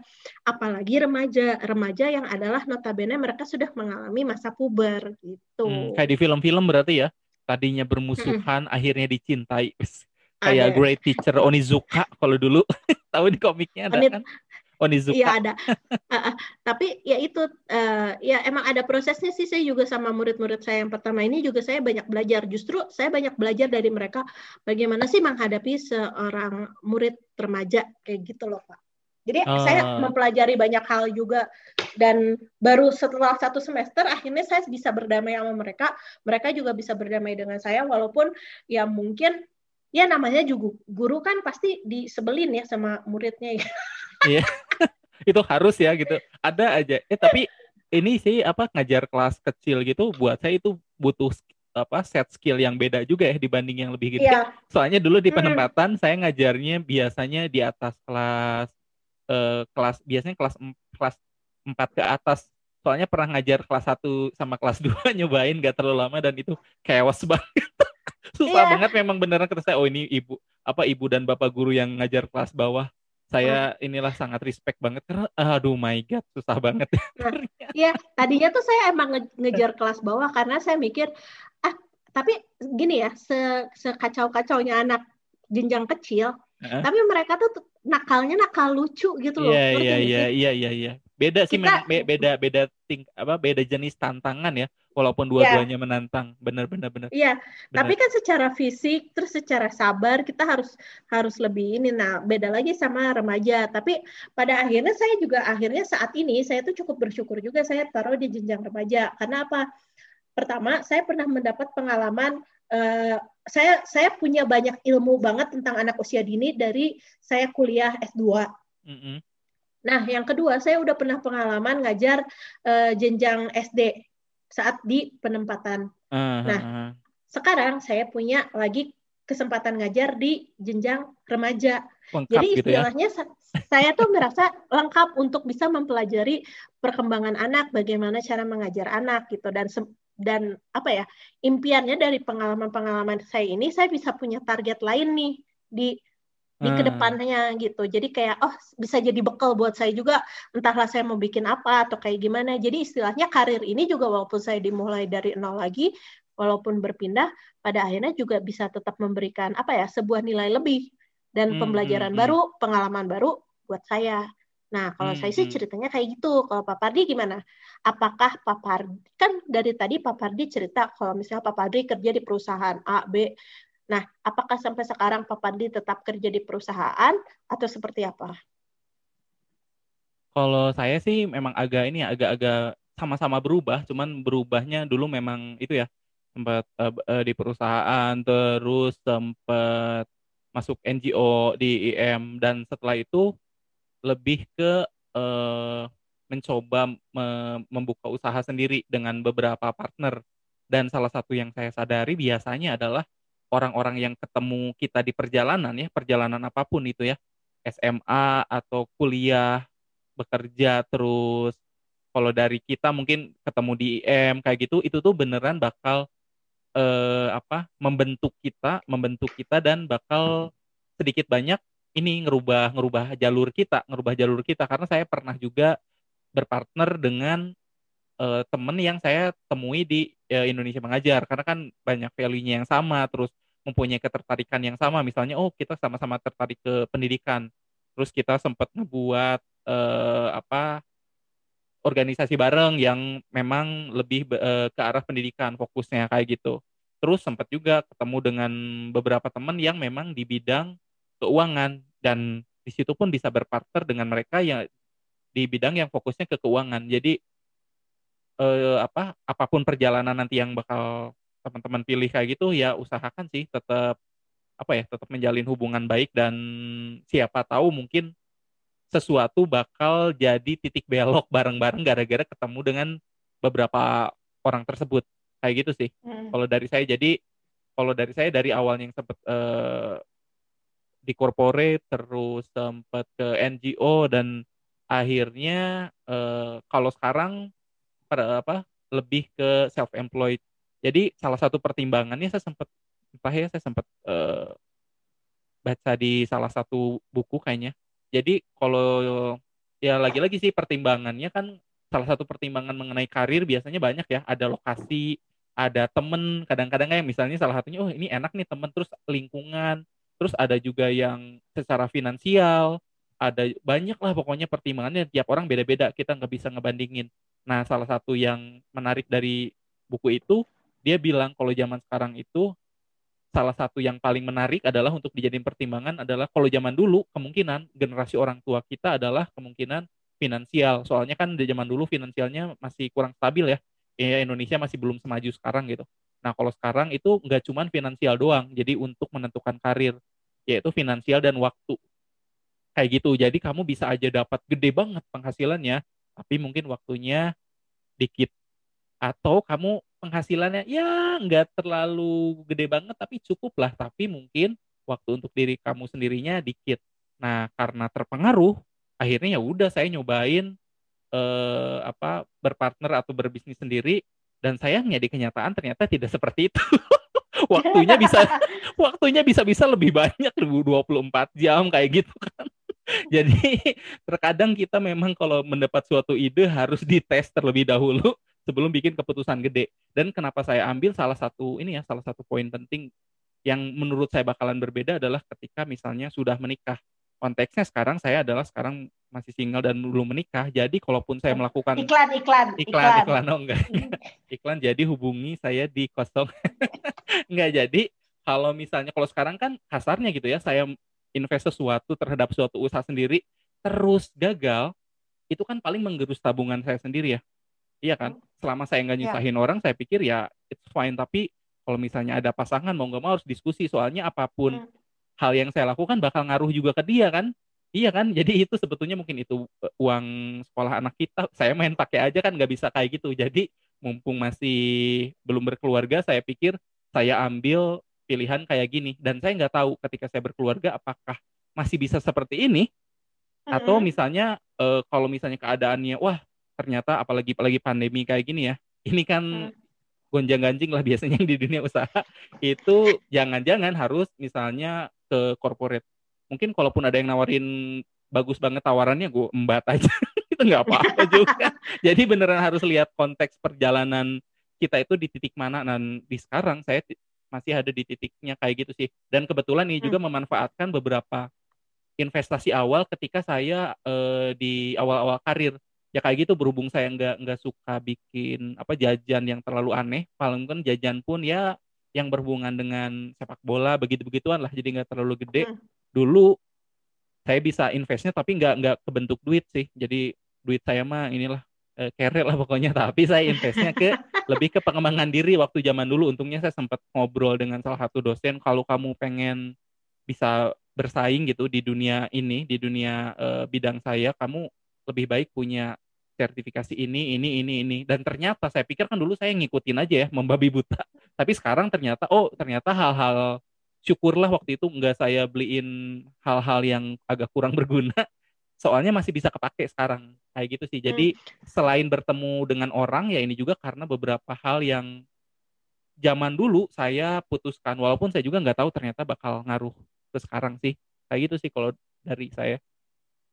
Terus kalau misalnya Pak Pardi sendiri, pingin dong diceritain kan Pak Pardi tadi udah bilang ya, uh, Pak Pardi invest kayak ikut seminar eh, seminar-seminar biar dapat sertifikasi. Terus Pak Pardi juga kayak punya ilmu di bidang ekonomi gitu kan ya. Terus uh, sama yang terakhir adalah uh, punya punya modal ya kan dari mm. hasil ta tabungan Pak Pardi gitu. Uh -huh. Nah, pingin diceritain dong nih siapa tahu ada orang juga yang ingin memulai apa ya bisnis wira swasta kayak Pak Pardi untuk karirnya, nah itu tuh kayak gimana gitu? Selain harus punya bekal-bekal yang tadi, karena kan Pak Pardi sempat ganti-ganti juga kan bisnisnya, sampai yeah, yeah. akhirnya pingin tahu juga nih bisnis yang terakhir yang hari ini tuh mm -hmm. udah berapa lama Pak Pardi uh, kerja? Pertama tadi ini sih, uh, saya pengen klarifikasi, yang sertifikasi saya bilang itu bukan ikut seminar kayak gitu, itu tuh lebih ke ikut tes dari organisasi profesi, jadi harus tes beberapa tingkatan kalau hmm. misalnya misalnya nih harus kalau ada enam hmm. harus ada enam tes. Kalau misalnya yang tes pertama gagal ya udah kita nggak bisa. Tapi kalau lolos nggak dapat sertifikasi itu. Terus naik lagi naik lagi sampai semua. Jadi itu uh, prosesnya lumayan lama dan sekali tesnya itu lumayan mahal. Apa jadi sih waktu profesinya itu, kalau boleh tahu? Oh saya itu di bidang saya itu uh, di bidang accounting and finance. Jadi sertifikasi hmm. saya pokoknya salah satu sertifikasi uh, yang dicari dengan banyak tes gitu dan ya banyaklah syarat-syarat untuk dapetin itu. Kayak gitu. Ya dan itu dulu saya karena berhubung sempat agak belok ke pendidikan rada-rada mubazir tuh udah susah-susah ujiannya mahal-mahal bayar beberapa kali gitu kan. Uh, syukurlah sekarang ke kepake kayak gitu. Dan kalau misalnya berhubung ini ya saya yakin hampir banyak apa kebanyakan orang di Indonesia anggap saja lah kalangan menengah bukan dari kalangan yang berada banget yang modalnya banyak. Jadi mau nggak mau harus nabung sendiri.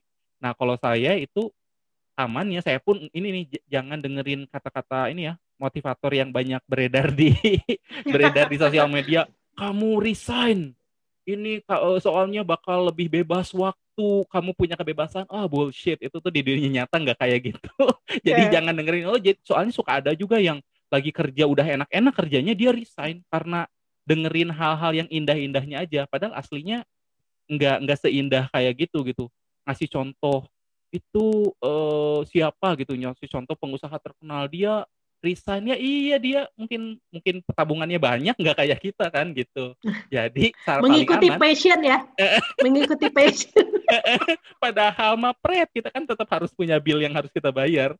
Nah uh. kalau itu karena itu saya kompromi. Jadi komprominya itu biasanya untuk awal-awal adalah kita punya penghasilan utama dulu yang beneran mm-hmm. stabil. Nah, sisa-sisanya itulah kita tabung. Jadi jangan kalau misalnya kalian pada umumnya seperti masyarakat Indonesia ya, yang bukan mm. dari keluarga yang gimana banget, wah banget, tajir banget gitu, mau nggak mau memang harus apakah kerja dulu, apakah proyekan-proyekan, tapi si hasilnya itu beneran ditabung. Nah, ketika udah ada sedikit demi sedikit, barulah kita awalnya bisa sampingan dulu misalnya sampingan dulu. Hmm. Nah, ketika misalnya yang si sampingannya ini udah kayak ini kayaknya udah stabil deh. Kayaknya udah hmm. stabil barulah kita boleh misalnya apakah mau resign, apakah mau nyari partner, barulah boleh jangan baru juga pokoknya saya pengen usaha nih. Langsung aja hajar gitu. Tanpa penghasilan yang jelas ujung-ujungnya nyusahin orang lain kalau kayak gitu. Kayak gitu sih kalau untuk yang amannya. Jadi amannya sih ada penghasilan utama dulu yang jelas barulah kita bisa nabung. Hmm. Terus Pak Pardi sendiri kalau boleh tahu sekarang uh, usahanya di bidang apa? Masih di finance juga? Terus ngapain? Oh, apa yang dilakukan? Nah, jadi kalau misalnya ya ini sih kalau misalnya uh, revenue yang utamanya nah yang bilang saya utamanya apa yang kita punya itu aja yang kita pakai untuk uh, generate uh, yang utama. Kalau di utama saya kan memang di ini ya finance and accounting. Jadi uh, servisnya itu banyak Akhirnya banyak itu tuh ada yang ke perusahaan-perusahaan, ada juga yang ke hmm. beberapa startup, ada juga yang ke hmm. uh, eh, UMKM kayak gitu. Jenisnya hmm. kayak gimana? Ya beda-beda tergantung lagi-lagi tergantung organisasi. Misalnya kalau untuk ke UMKM mungkin bisa ngasih uh, apa? bimbingan gimana sih cara mengatur si keuangan untuk bisnis yang masih relatif baru dan kecil. Ada juga hmm. terkadang bentuknya apakah pelatihan, apakah langsung pem, apa jadi klien yang apa rutin ketemu. Ada juga mm -hmm. misalnya banyak perusahaan itu banyak yang udah gede, duitnya gede, mm -hmm. tapi mereka itu sebetulnya laporannya itu bingung ini usaha kita ini untungnya berapa ya saya nggak nggak tahu tahu banget sih untung untungnya berapa yang pasti duitnya banyak aja gitu kan yeah. nah terkadang kalau kayak gitu tuh kalau misalnya mau mau ke bank atau mereka mau ketemu investor mereka itu butuh laporan yang proper itu juga di, dikerjakan juga terus misalnya kalau hmm. anak-anak uh, startup kayak sekarang biasanya mereka kan terkadang kalau nyari investor tuh harus ini ya, harus presentasi, pitching dan lain-lain. Itu kan butuh yang duit-duitnya tuh ya. Kan kita kok terkadang terkadang nih di timnya mereka foundernya itu nggak ada orang finance-nya. Jadi masuk masukin aja angka-angkanya yang keren-keren. Sales sekian ratus. Kayak ini dapatnya dari mana gitu. Sedangkan saya memang profesional di bidang itu. Jadi saya nge-provide laporan yang uh, mengenai si keuangannya. Intinya sih uh, ini sih intinya nge-support uh, bisnis lain tapi yang spesifik di bidang hmm. keuangan karena saya pun memang ser uh, punya sertifikasi di bidang itu lalu sekolahnya pun di bidang itu lalu ketika lanjut sekolah pun memang di di area bisnis juga kayak gitu. hmm. gitu dan itu itu yang yang semacam yang utamanya nah untuk yang coba-cobanya tentunya ada beberapa juga tapi itu ya itu ya namanya uh, bukan coba-coba sih tapi lebih saya sadar bahwa beberapa usaha yang lain itu belum tentu menghasilkan. Bahkan awal-awal mah pasti ngeluarin duit terus. ini apalagi lagi kayak gini, aduh ini tabungan makin ini, makin kagak ada yang mau. Pak Pardi, kalau misalnya Pak Pardi sendiri dapat link-link buat uh, apa namanya link-link buat konsumennya Pak Pardi itu kayak gimana? Nah, kalau konsumennya itu lagi-lagi yang seperti saya bilang, kita itu ujung-ujungnya adalah bersentuhan dengan orang-orang yang apa bersentuhan dengan banyak-banyak orang ya selama kita bisa apa eh, dapat hubungan yang baik dan juga ternyata ketika apa mereka nyobain servis kita mereka puas biasanya mereka bakal nge-refer kita ke orang lain sih. Jadi ada yang mantan apa kliennya tuh ada yang mantan bos saya, ada yang temen karena tahu eh, eh Pardi kamu ini kan bagian finance kan. Saya punya usaha nih bisa ini enggak bisa apa bantuin nggak? Ada juga yang biasanya misalnya ada satu orang yang sudah puas terus dia ketika ada temennya yang aduh saya bingung nih ada saya butuh orang yang di finance. Soalnya kan masalah duit-duitan gitu sensitif ya. Karena kita nggak mau seenaknya ng ngasih informasi keuangan kita ke orang lain kan. Karena itu trust bener-bener jadi kepercayaan. Jadi untuk untuk ketika saya dulu awal-awal itu beneran dari awal circle saya sendiri akhirnya membesar. Jadi selama kita bisa maintain uh, apa maintain hubungan dengan baik dan kita hmm. beneran bisa nunjukin walaupun ini cengangat cengenges gini beneran bisa nggak sih gitu? Ini jangan-jangan sertifikasinya ilegal nih atau gimana? Atau sekolah ini beneran kamu sekolahnya di bidang ini? Tapi selama ketika mereka sudah ngelihat servis kita dan kayak oh oke okay, ternyata oh servis. Oh, oh servis. ya oh puas kalau servis. puas ya pasti kembali oh. dong pasti Wah, ah, hebat juga nih ya Pak Pardi, gini-gini juga. Saya bangga jadinya temenan sama Pak Pardi. eh, ya, ini tapi ini belum ini juga sih, belum melejit juga. Tapi ya buat jajan adalah. tapi enjoy nggak Pak Pardi? Kan tadi Pak Pardi sempat nanya nih, enjoy nggak saya uh, dengan saya dengan oh, okay. kerjaan saya saat ini? Pak Pardi enjoy nggak dengan kerjaan uh, apa karirnya Pak Pardi saat ini? Dalam titik saat ini saya sih enjoy ya. Kalau dalam titik kali ini ya. Cuman uh, kita lihat deh ini 2021 setelah divaksin kayak gimana. soalnya ya, nah. ya beneran soalnya ini uh, apa kalau misalnya self employed kayak gini beneran naik turun kadang-kadang hmm. dapat satu bulan itu dapat banyak klien tapi yang bulan berikutnya itu cuman dikit jadi beneran kita harus jago-jago apa jago-jago ngatur lah apalagi di ini ya ketidakpastiannya sangat-sangat nggak besar sih apalagi sekarang hmm. Nah, Pak Pardi, nih untuk menutup uh, podcast kita yang rada berisi nih kayaknya tadi ya. ngomongin karir. Udah ada yang ngasih tips, ada ngasih masukan, ada ngebahas teori. Ya tumben banget nih pintar berdua. Tapi lagi-lagi ya, segala yang kita baca di sini harus dites di dunia nyata karena belum tentu yang kita ngomongin yeah. pas kalian cobain ternyata sesuai. karena kita bu yeah. baca buku, ternyata pas dicobain kagak gitu juga ternyata. Ya, ini mah kita hanya memberikan sebuah perspektif ya, mungkin bisa diaplikasikan dan ya itu amati lalu uh, apa sih? Ada ininya kalau nggak salah slogannya oh, amati, amati, tiru, modifikasi. Kembangkan ya. Modifikasi, oh, modifikasi. kembangkan. ya boleh lah dikembangkan. eh amati modifikasi tiru eh amat apa sih? ATM amati, amati tiru, tiru modifikasi. modifikasi. Ah ya, kayak gitu.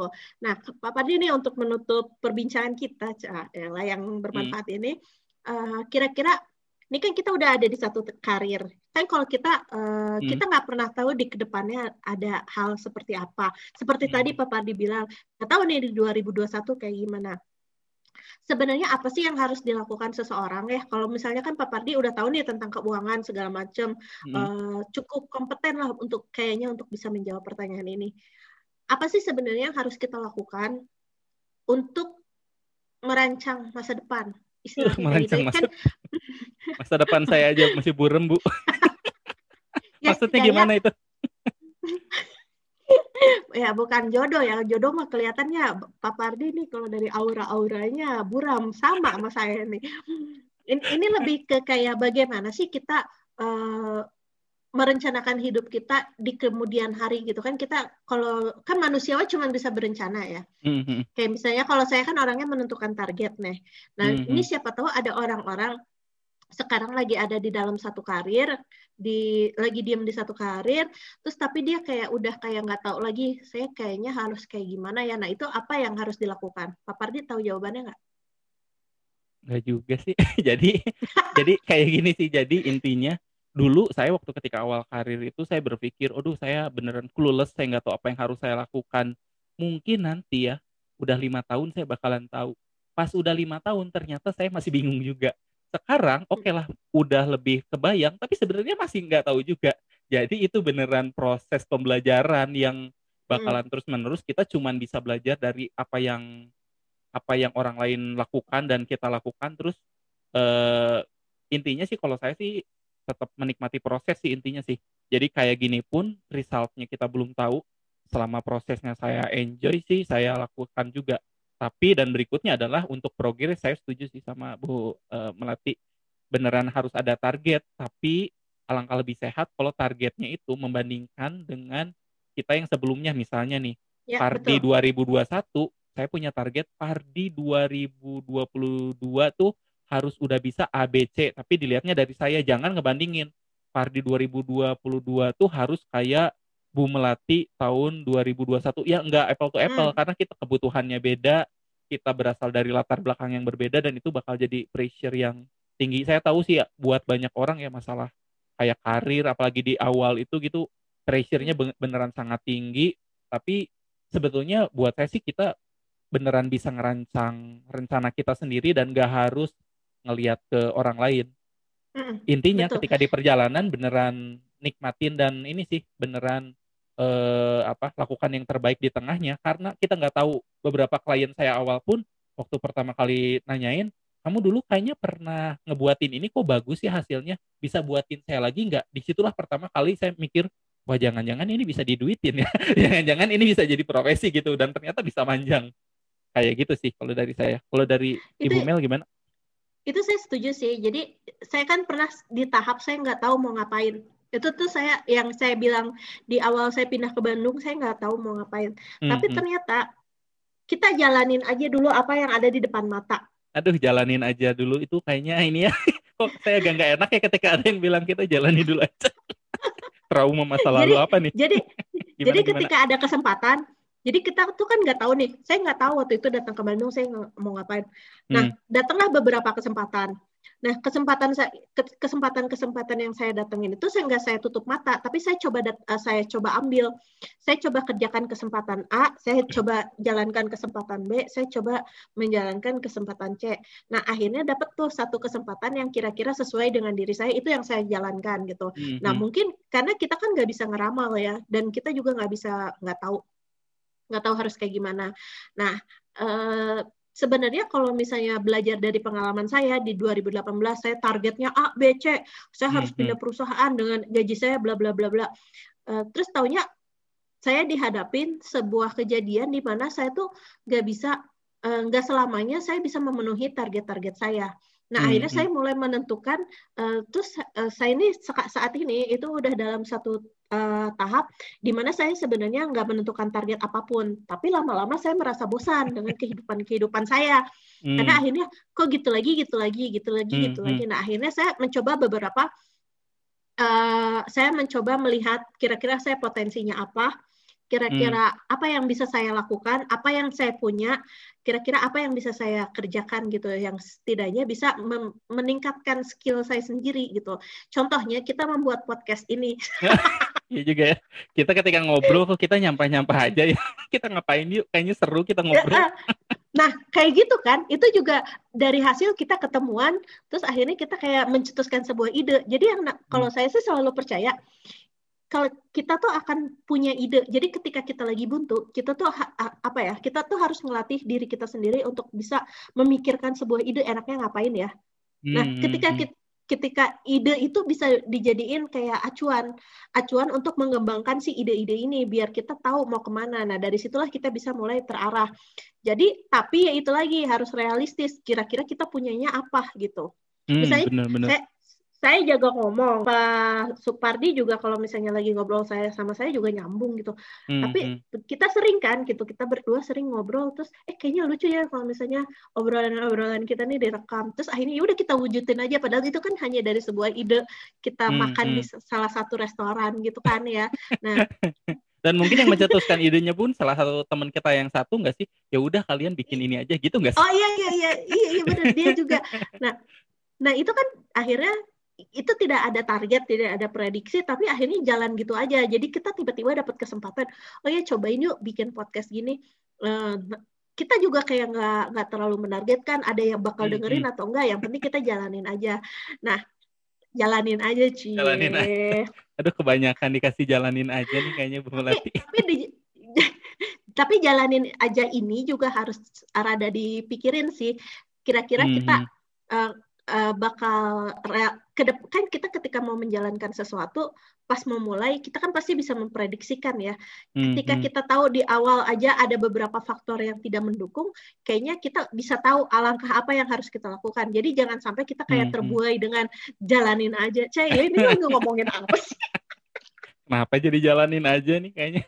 Ada kata-kata dari orang tertentu di masa lalu gitu atau gimana? Ada, ini? ada, ada, ada. Ah, sebelum lebih banyak kita jalanin aja nih, Pak Pardi.